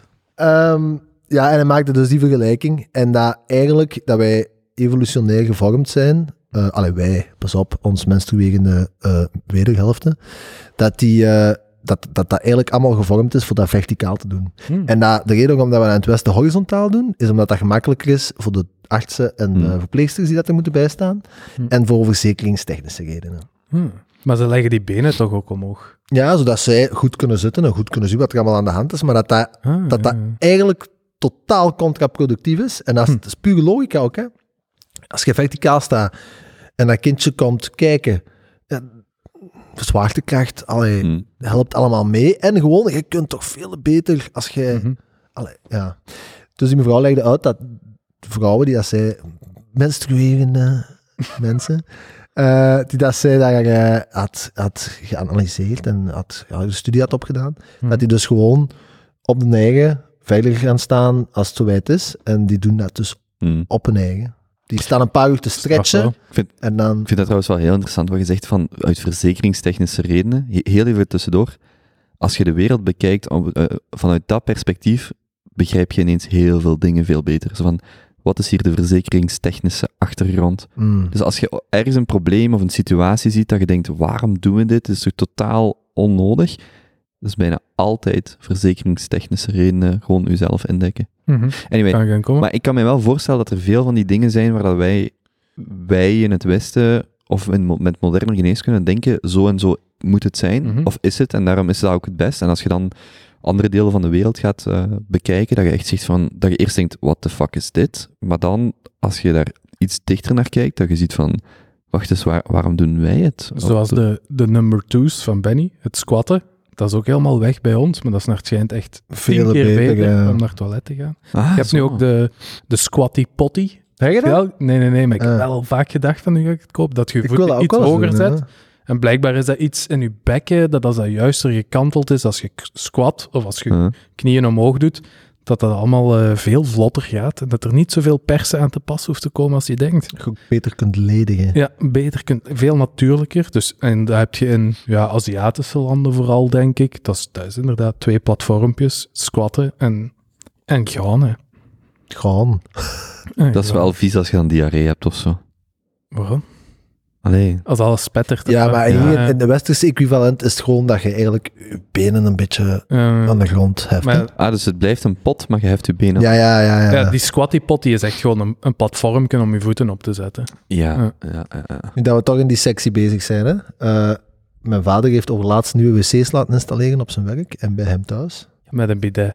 Nee. Japanse. Ja. Ja, jawel, ja met zo'n Hij, sproeier. hij heeft daarover verteld. Ik was er juist over bezig dit weekend, dat het barbaars is dat we dat hier met papier doen. Oh. Als er op ieder ander lichaamsdeel van u een beetje kak komt en je veegt dat af met papier, Ja, dat, Ja. nee, wacht, wacht, je moet het zeggen gelijk je tegen mij zei, want ik vond dat wel heel goed. Nu zeg het. zeg jij maar, want ik... eh, En ik ben het vergeten.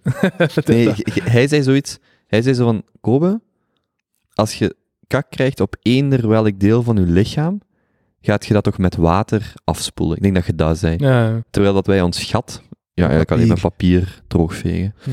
Ja, dat Ik is het één heel element. Maar oh ja, ik heb dat nu een paar keer geprobeerd. Mhm. Dat is ook veel aangenamer. wat, gebeurt, ja, wat, tuurlijk. wat gebeurt er dan exact? Hij heeft dat dus. Dus je- ik, heb, er- ik heb geen idee wat dat is. Het is echt, dus... Je, Dat is een wc gelijk gewone onze wc. is een gewone wc. Ja. Ziet eruit als een gewone wc. Je hebt dan ook die, ja, die echt Aziatische types en die zien er echt uit of dat je er ook Ja. mee naar Max kunt gaan. Maar, Dat is ehm, echt hè, tien knopjes dat en is twee een- draaikjes. en ja, maar deze is echt een, een toilet. Eh, het enige dat je daarbij krijgt is wel een, een afstandsbediening. Hmm. Met één grote ronde knop. En je doet je ding. En dan pak je die afstandsbediening. Je klikt op die knop. Je begint een... eh, een, een eh,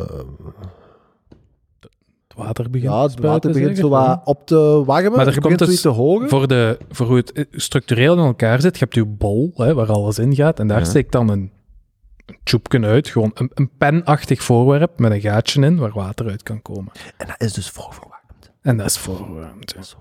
Nou, het rare, en dat is dus hetgeen waar ik naartoe wil komen, wat ik uitermate fascinerend vind en waar ik nog geen antwoord op heb. Ik heb het ook nog wel niet gegoogeld of zo, dus het is niet dat me zo hard interesseert.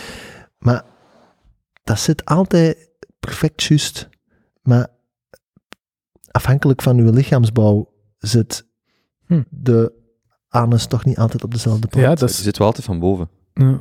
In Zuid-Korea was dat niet zo. Daar had je een knop voor mannen en voor vrouwen. En voor echt hennig hard. En daar heb ik niet op geduwd. Ja, dat zit er altijd. Dus wat is er dan een camera die dan een nugelnet heeft? ge- Ik weet niet, zo- nugelnet. Hm. Ik snap, ik, ik weet niet hoe dat werkt, maar het werkt echt perfect. Mhm. En dan doe je dat, en dan, up, alles proper, en dan komt er zo nog een... een Wacht, alles En dan moet je nog met papier af. Nee, nee, nee, nee, dan komt er een, een, Een, tro- een drogertje. een beetje lucht. Een beetje Waar lucht. woont uw vader? Kun je dat gaan, testen? Podcast op Dielke. We zullen binnenkort eens, eh, we kunnen een podcastopname doen bij onze pa thuis. Na, Ja. na deze ervaring. Ja, geen enkel probleem. En dus, dus er spuit warm water Mhm. op uw gat, Mhm. technisch gezien op je anus. Echt. Ja. En dan een blazertje. En dan een blazerke erop. En je moet dat niet meer, met, niet meer met Ja, papier. zo voor de Ja, zekerheid. dan hè. is het fancy, ja. We blijven, blijven westers, hè, dus ge- ge- gecontroleerd is. Mhm. Maar, Maar Ja. bijvoorbeeld in Thailand is het gewoon zo een sproeier als je hebt in je douche. Ja. En dan hetzelfde. Maar Ah, dan geen, geen vernevelaar, maar een sproei- zo'n sproeikop. een sproei, maar een kleinere sproeikop, maar wel Ja. hetzelfde. Gewoon eerst water en dan met papier gewoon droogvegen. En that's it. Droogvegen. En dat is altijd ghost wipes. Dat is kei satisfying. Ghost vibes. Oh ja, als je zo... De golden, Golden drop. drop. Ah, Ghost wipe. Gewiped en het is... de ghost, de ghost vibe. Ghost wipe. Ik heb wel potato potato van u geleerd dit weekend. Vond ik ook goed. Potato, potato. dat? Dat is blijkbaar iets uit Friends, denk ik. Ja, als je zo twee dingen zegt die eigenlijk hetzelfde zijn. Ah, ah, oh, gewoon Ja. potato, potato. Ah, Ja, ja, Uitdrukking. Potato, potato. Maar dus, ehm, wacht hè, dat deed me net aan iets denken. Ik heb het vandaag nog in de koffiebar gehad over eh, bloedende anussen. Oh, ik wou je juist aanstaan te gaan maken voordat ik te Maar gaan het- afronden. Maar het ging eigenlijk over de barbariteit van één en twee lagen wc-papier. Daar kwam het Barbariteit. Ah, ja. Ja, dat er, dus, dus er zijn nog steeds mensen die hun gat afvegen met één laag Ja. wc-papier. Hmm, Ja, Dan, schande. ik, ik, ja, Ik drie, wild. drie, maar als ik dan bij iemand op bezoek ben, Hmm. ik zou bijna uit protest het al gewoon niet afvegen, maar ja. Dat er al in. Gewoon die sproeier uit de douche rukken. Ja, nee, ik, ik, eh, daar ging het dus over. Dus Volgens dat mij daar, zou daarmee echt heel grote fan zijn van. ja, ik denk het Ja, ik denk dat we dat ook in de auto daar, zeiden. Dat, dat lijkt mij zoiets, als je het beschrijft, denk je, what the fuck? En dan doe je dat een keer en zeg Ja. je Echt. nooit meer iets Er anders. gaat een heel nieuwe wereld We open. hebben echt op het punt gestaan op Amazon om zoiets te bestellen dat je gewoon kunt installeren op bestaande toiletten toen wij terugkwamen Zo'n eh, maar dan is het niet voorverwarmd, dus dat is wel frisjes. Ja. Ik denk, Kobe, dat als je ooit op het punt bent dat je weer een studio hebt, Ja, je moet dat, je moet dat echt niet over twijfelen. En echt zo de full Monty Japanse versie. Er is trouwens een heel grappig filmpje. Eh, er is eh, een Japans filmpje dat ondertussen al wel een jaar of zeven oud is.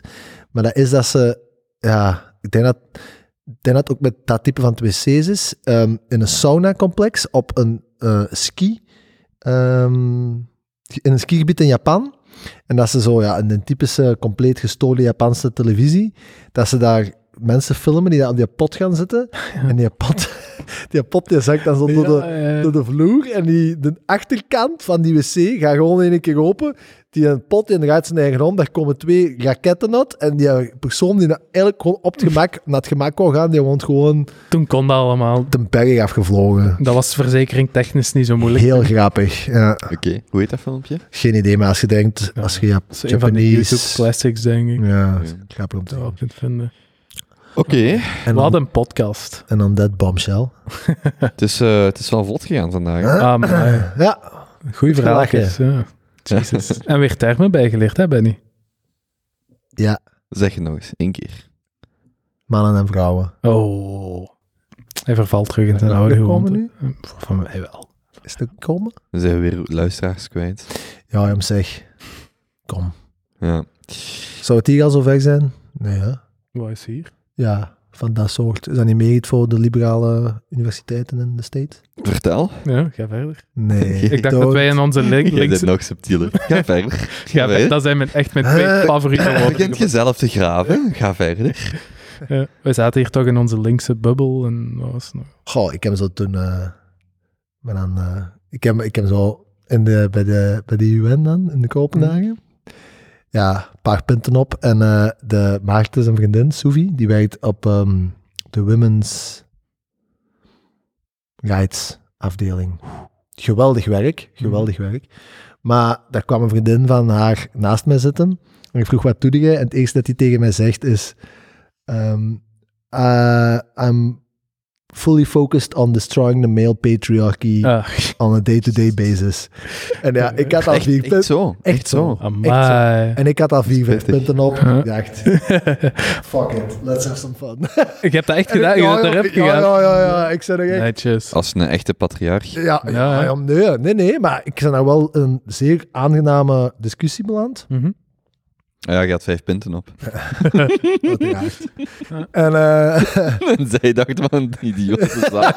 En hij zo, oh, aangenaam, ge- aangenaam genuanceerd gesprek.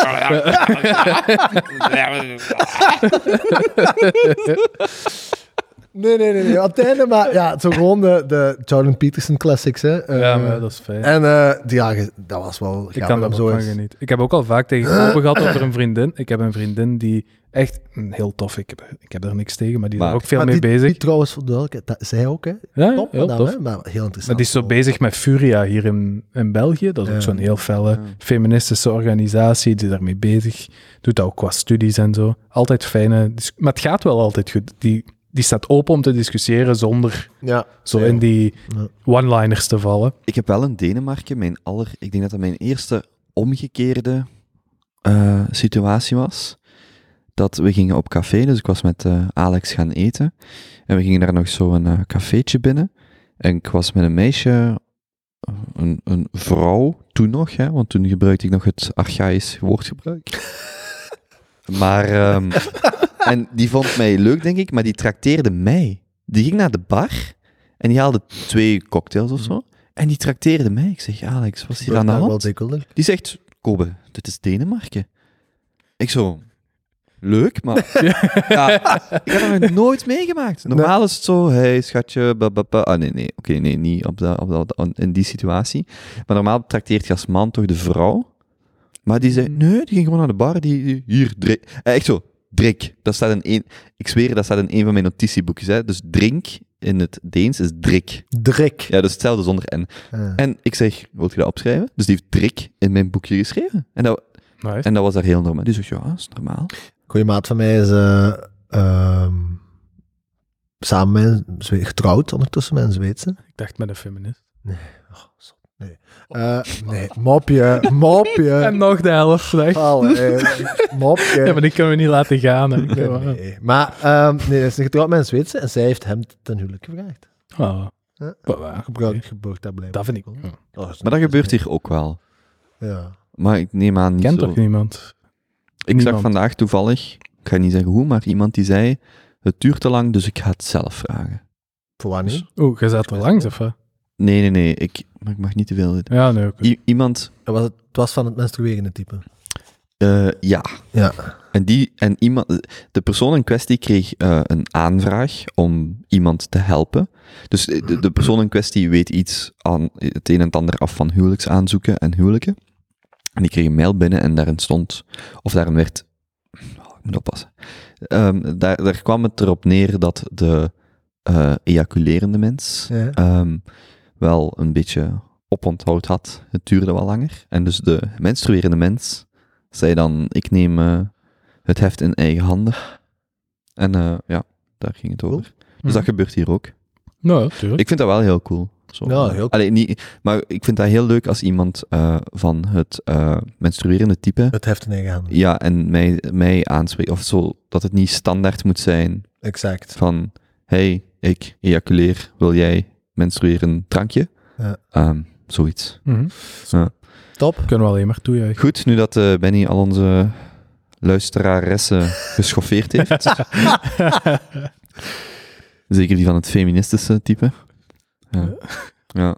Dit gaat u nog achterna jagen, zo Ja, binnen een hem. paar jaar. Hem? Nee. Iedereen, iedereen. Hè? Allemaal Zeg, hetzelfde is toch schuintje. niks verkeerd gezegd. Nee, nee. Nee. Wel, dat is... Totdat ze dat- daar soundbites Ja, uitnemen. Dat, Totdat dat is ze daar... exact wat een patriarch niet doen, hè. zou zeggen. Op Instagram, hij is er niet Komen? mee bezig. Ik hè? doe dat niet zo. hè. Niet van die 30 seconden. Oh ja. Zij- Ja, Dat is nee. ideaal, als je dat gewoon laat De beginnen. laatste als keer, hij- dat is de laatste keer dat ik hier zit. Komen, dan is het de laatste keer dat ik hier zit. Hè. Maar denk aan het goud, jongen. Denk. Nee, maar ik heb, ik heb eigenlijk geen schrik. Ik doe dat zelf niet. Ik Denk, daar heb ik de tijd niet voor. Eh, maar andere... Ja, jongen. Denk je dat ik op twee uur audio er 30 seconden ga uitzoeken? Ik knip gewoon en dan zo tut, tut, tut, en dit zijn de highlights. ga je echt niet uitzoeken. Maar andere mensen kunnen dat wel doen. En daar, daar kun je niks aan doen, hè? Ja, nee. hè. Maar bon, hey, we zijn geen Joe Rogan, zijn. Allee. Nee, Bon. We hebben ook niks. Ja, we zijn nu wel serieus aan het Ja, is voor niet, uw eh, harde stop. Ja, dat is het, niet de zijn, het bedoeling. zijn zijn favoriete onderwerpen, heb ik de indruk. Ja. Nee, nee, nee, nee. nee. Dus Benny stapt in een bar binnen en er zat een feministe van de Women's Right Movement. Mm. Oké. Goed. Schoontje. Dank u wel, jongens. Dank u, Kobe. Dank u voor de uitnodiging. Over eh, twee weken terug op post. Graag. Zeker weten. Oké. Ciao, guys. Als te denken. Dag, Kobe. Allee, jong. Je hebt dat de vorige twee keer ook niet gezongen, hè? Nee. Hij is nog altijd teleurgesteld. Maar jij hebt toch ingezongen, Kobe, op, in Zwitserland? Vind dat erachter. Zet dat erachter. Kom, Hè? dat is Wat, goed. wat heb ik in die Je hebt op de berg met een mooie achtergrond uw eigen outro gezongen. Ja, ja. Ik, zal Naakt het film- dan ook. ik zal u het filmpje doorsturen. Waar heb jij het over?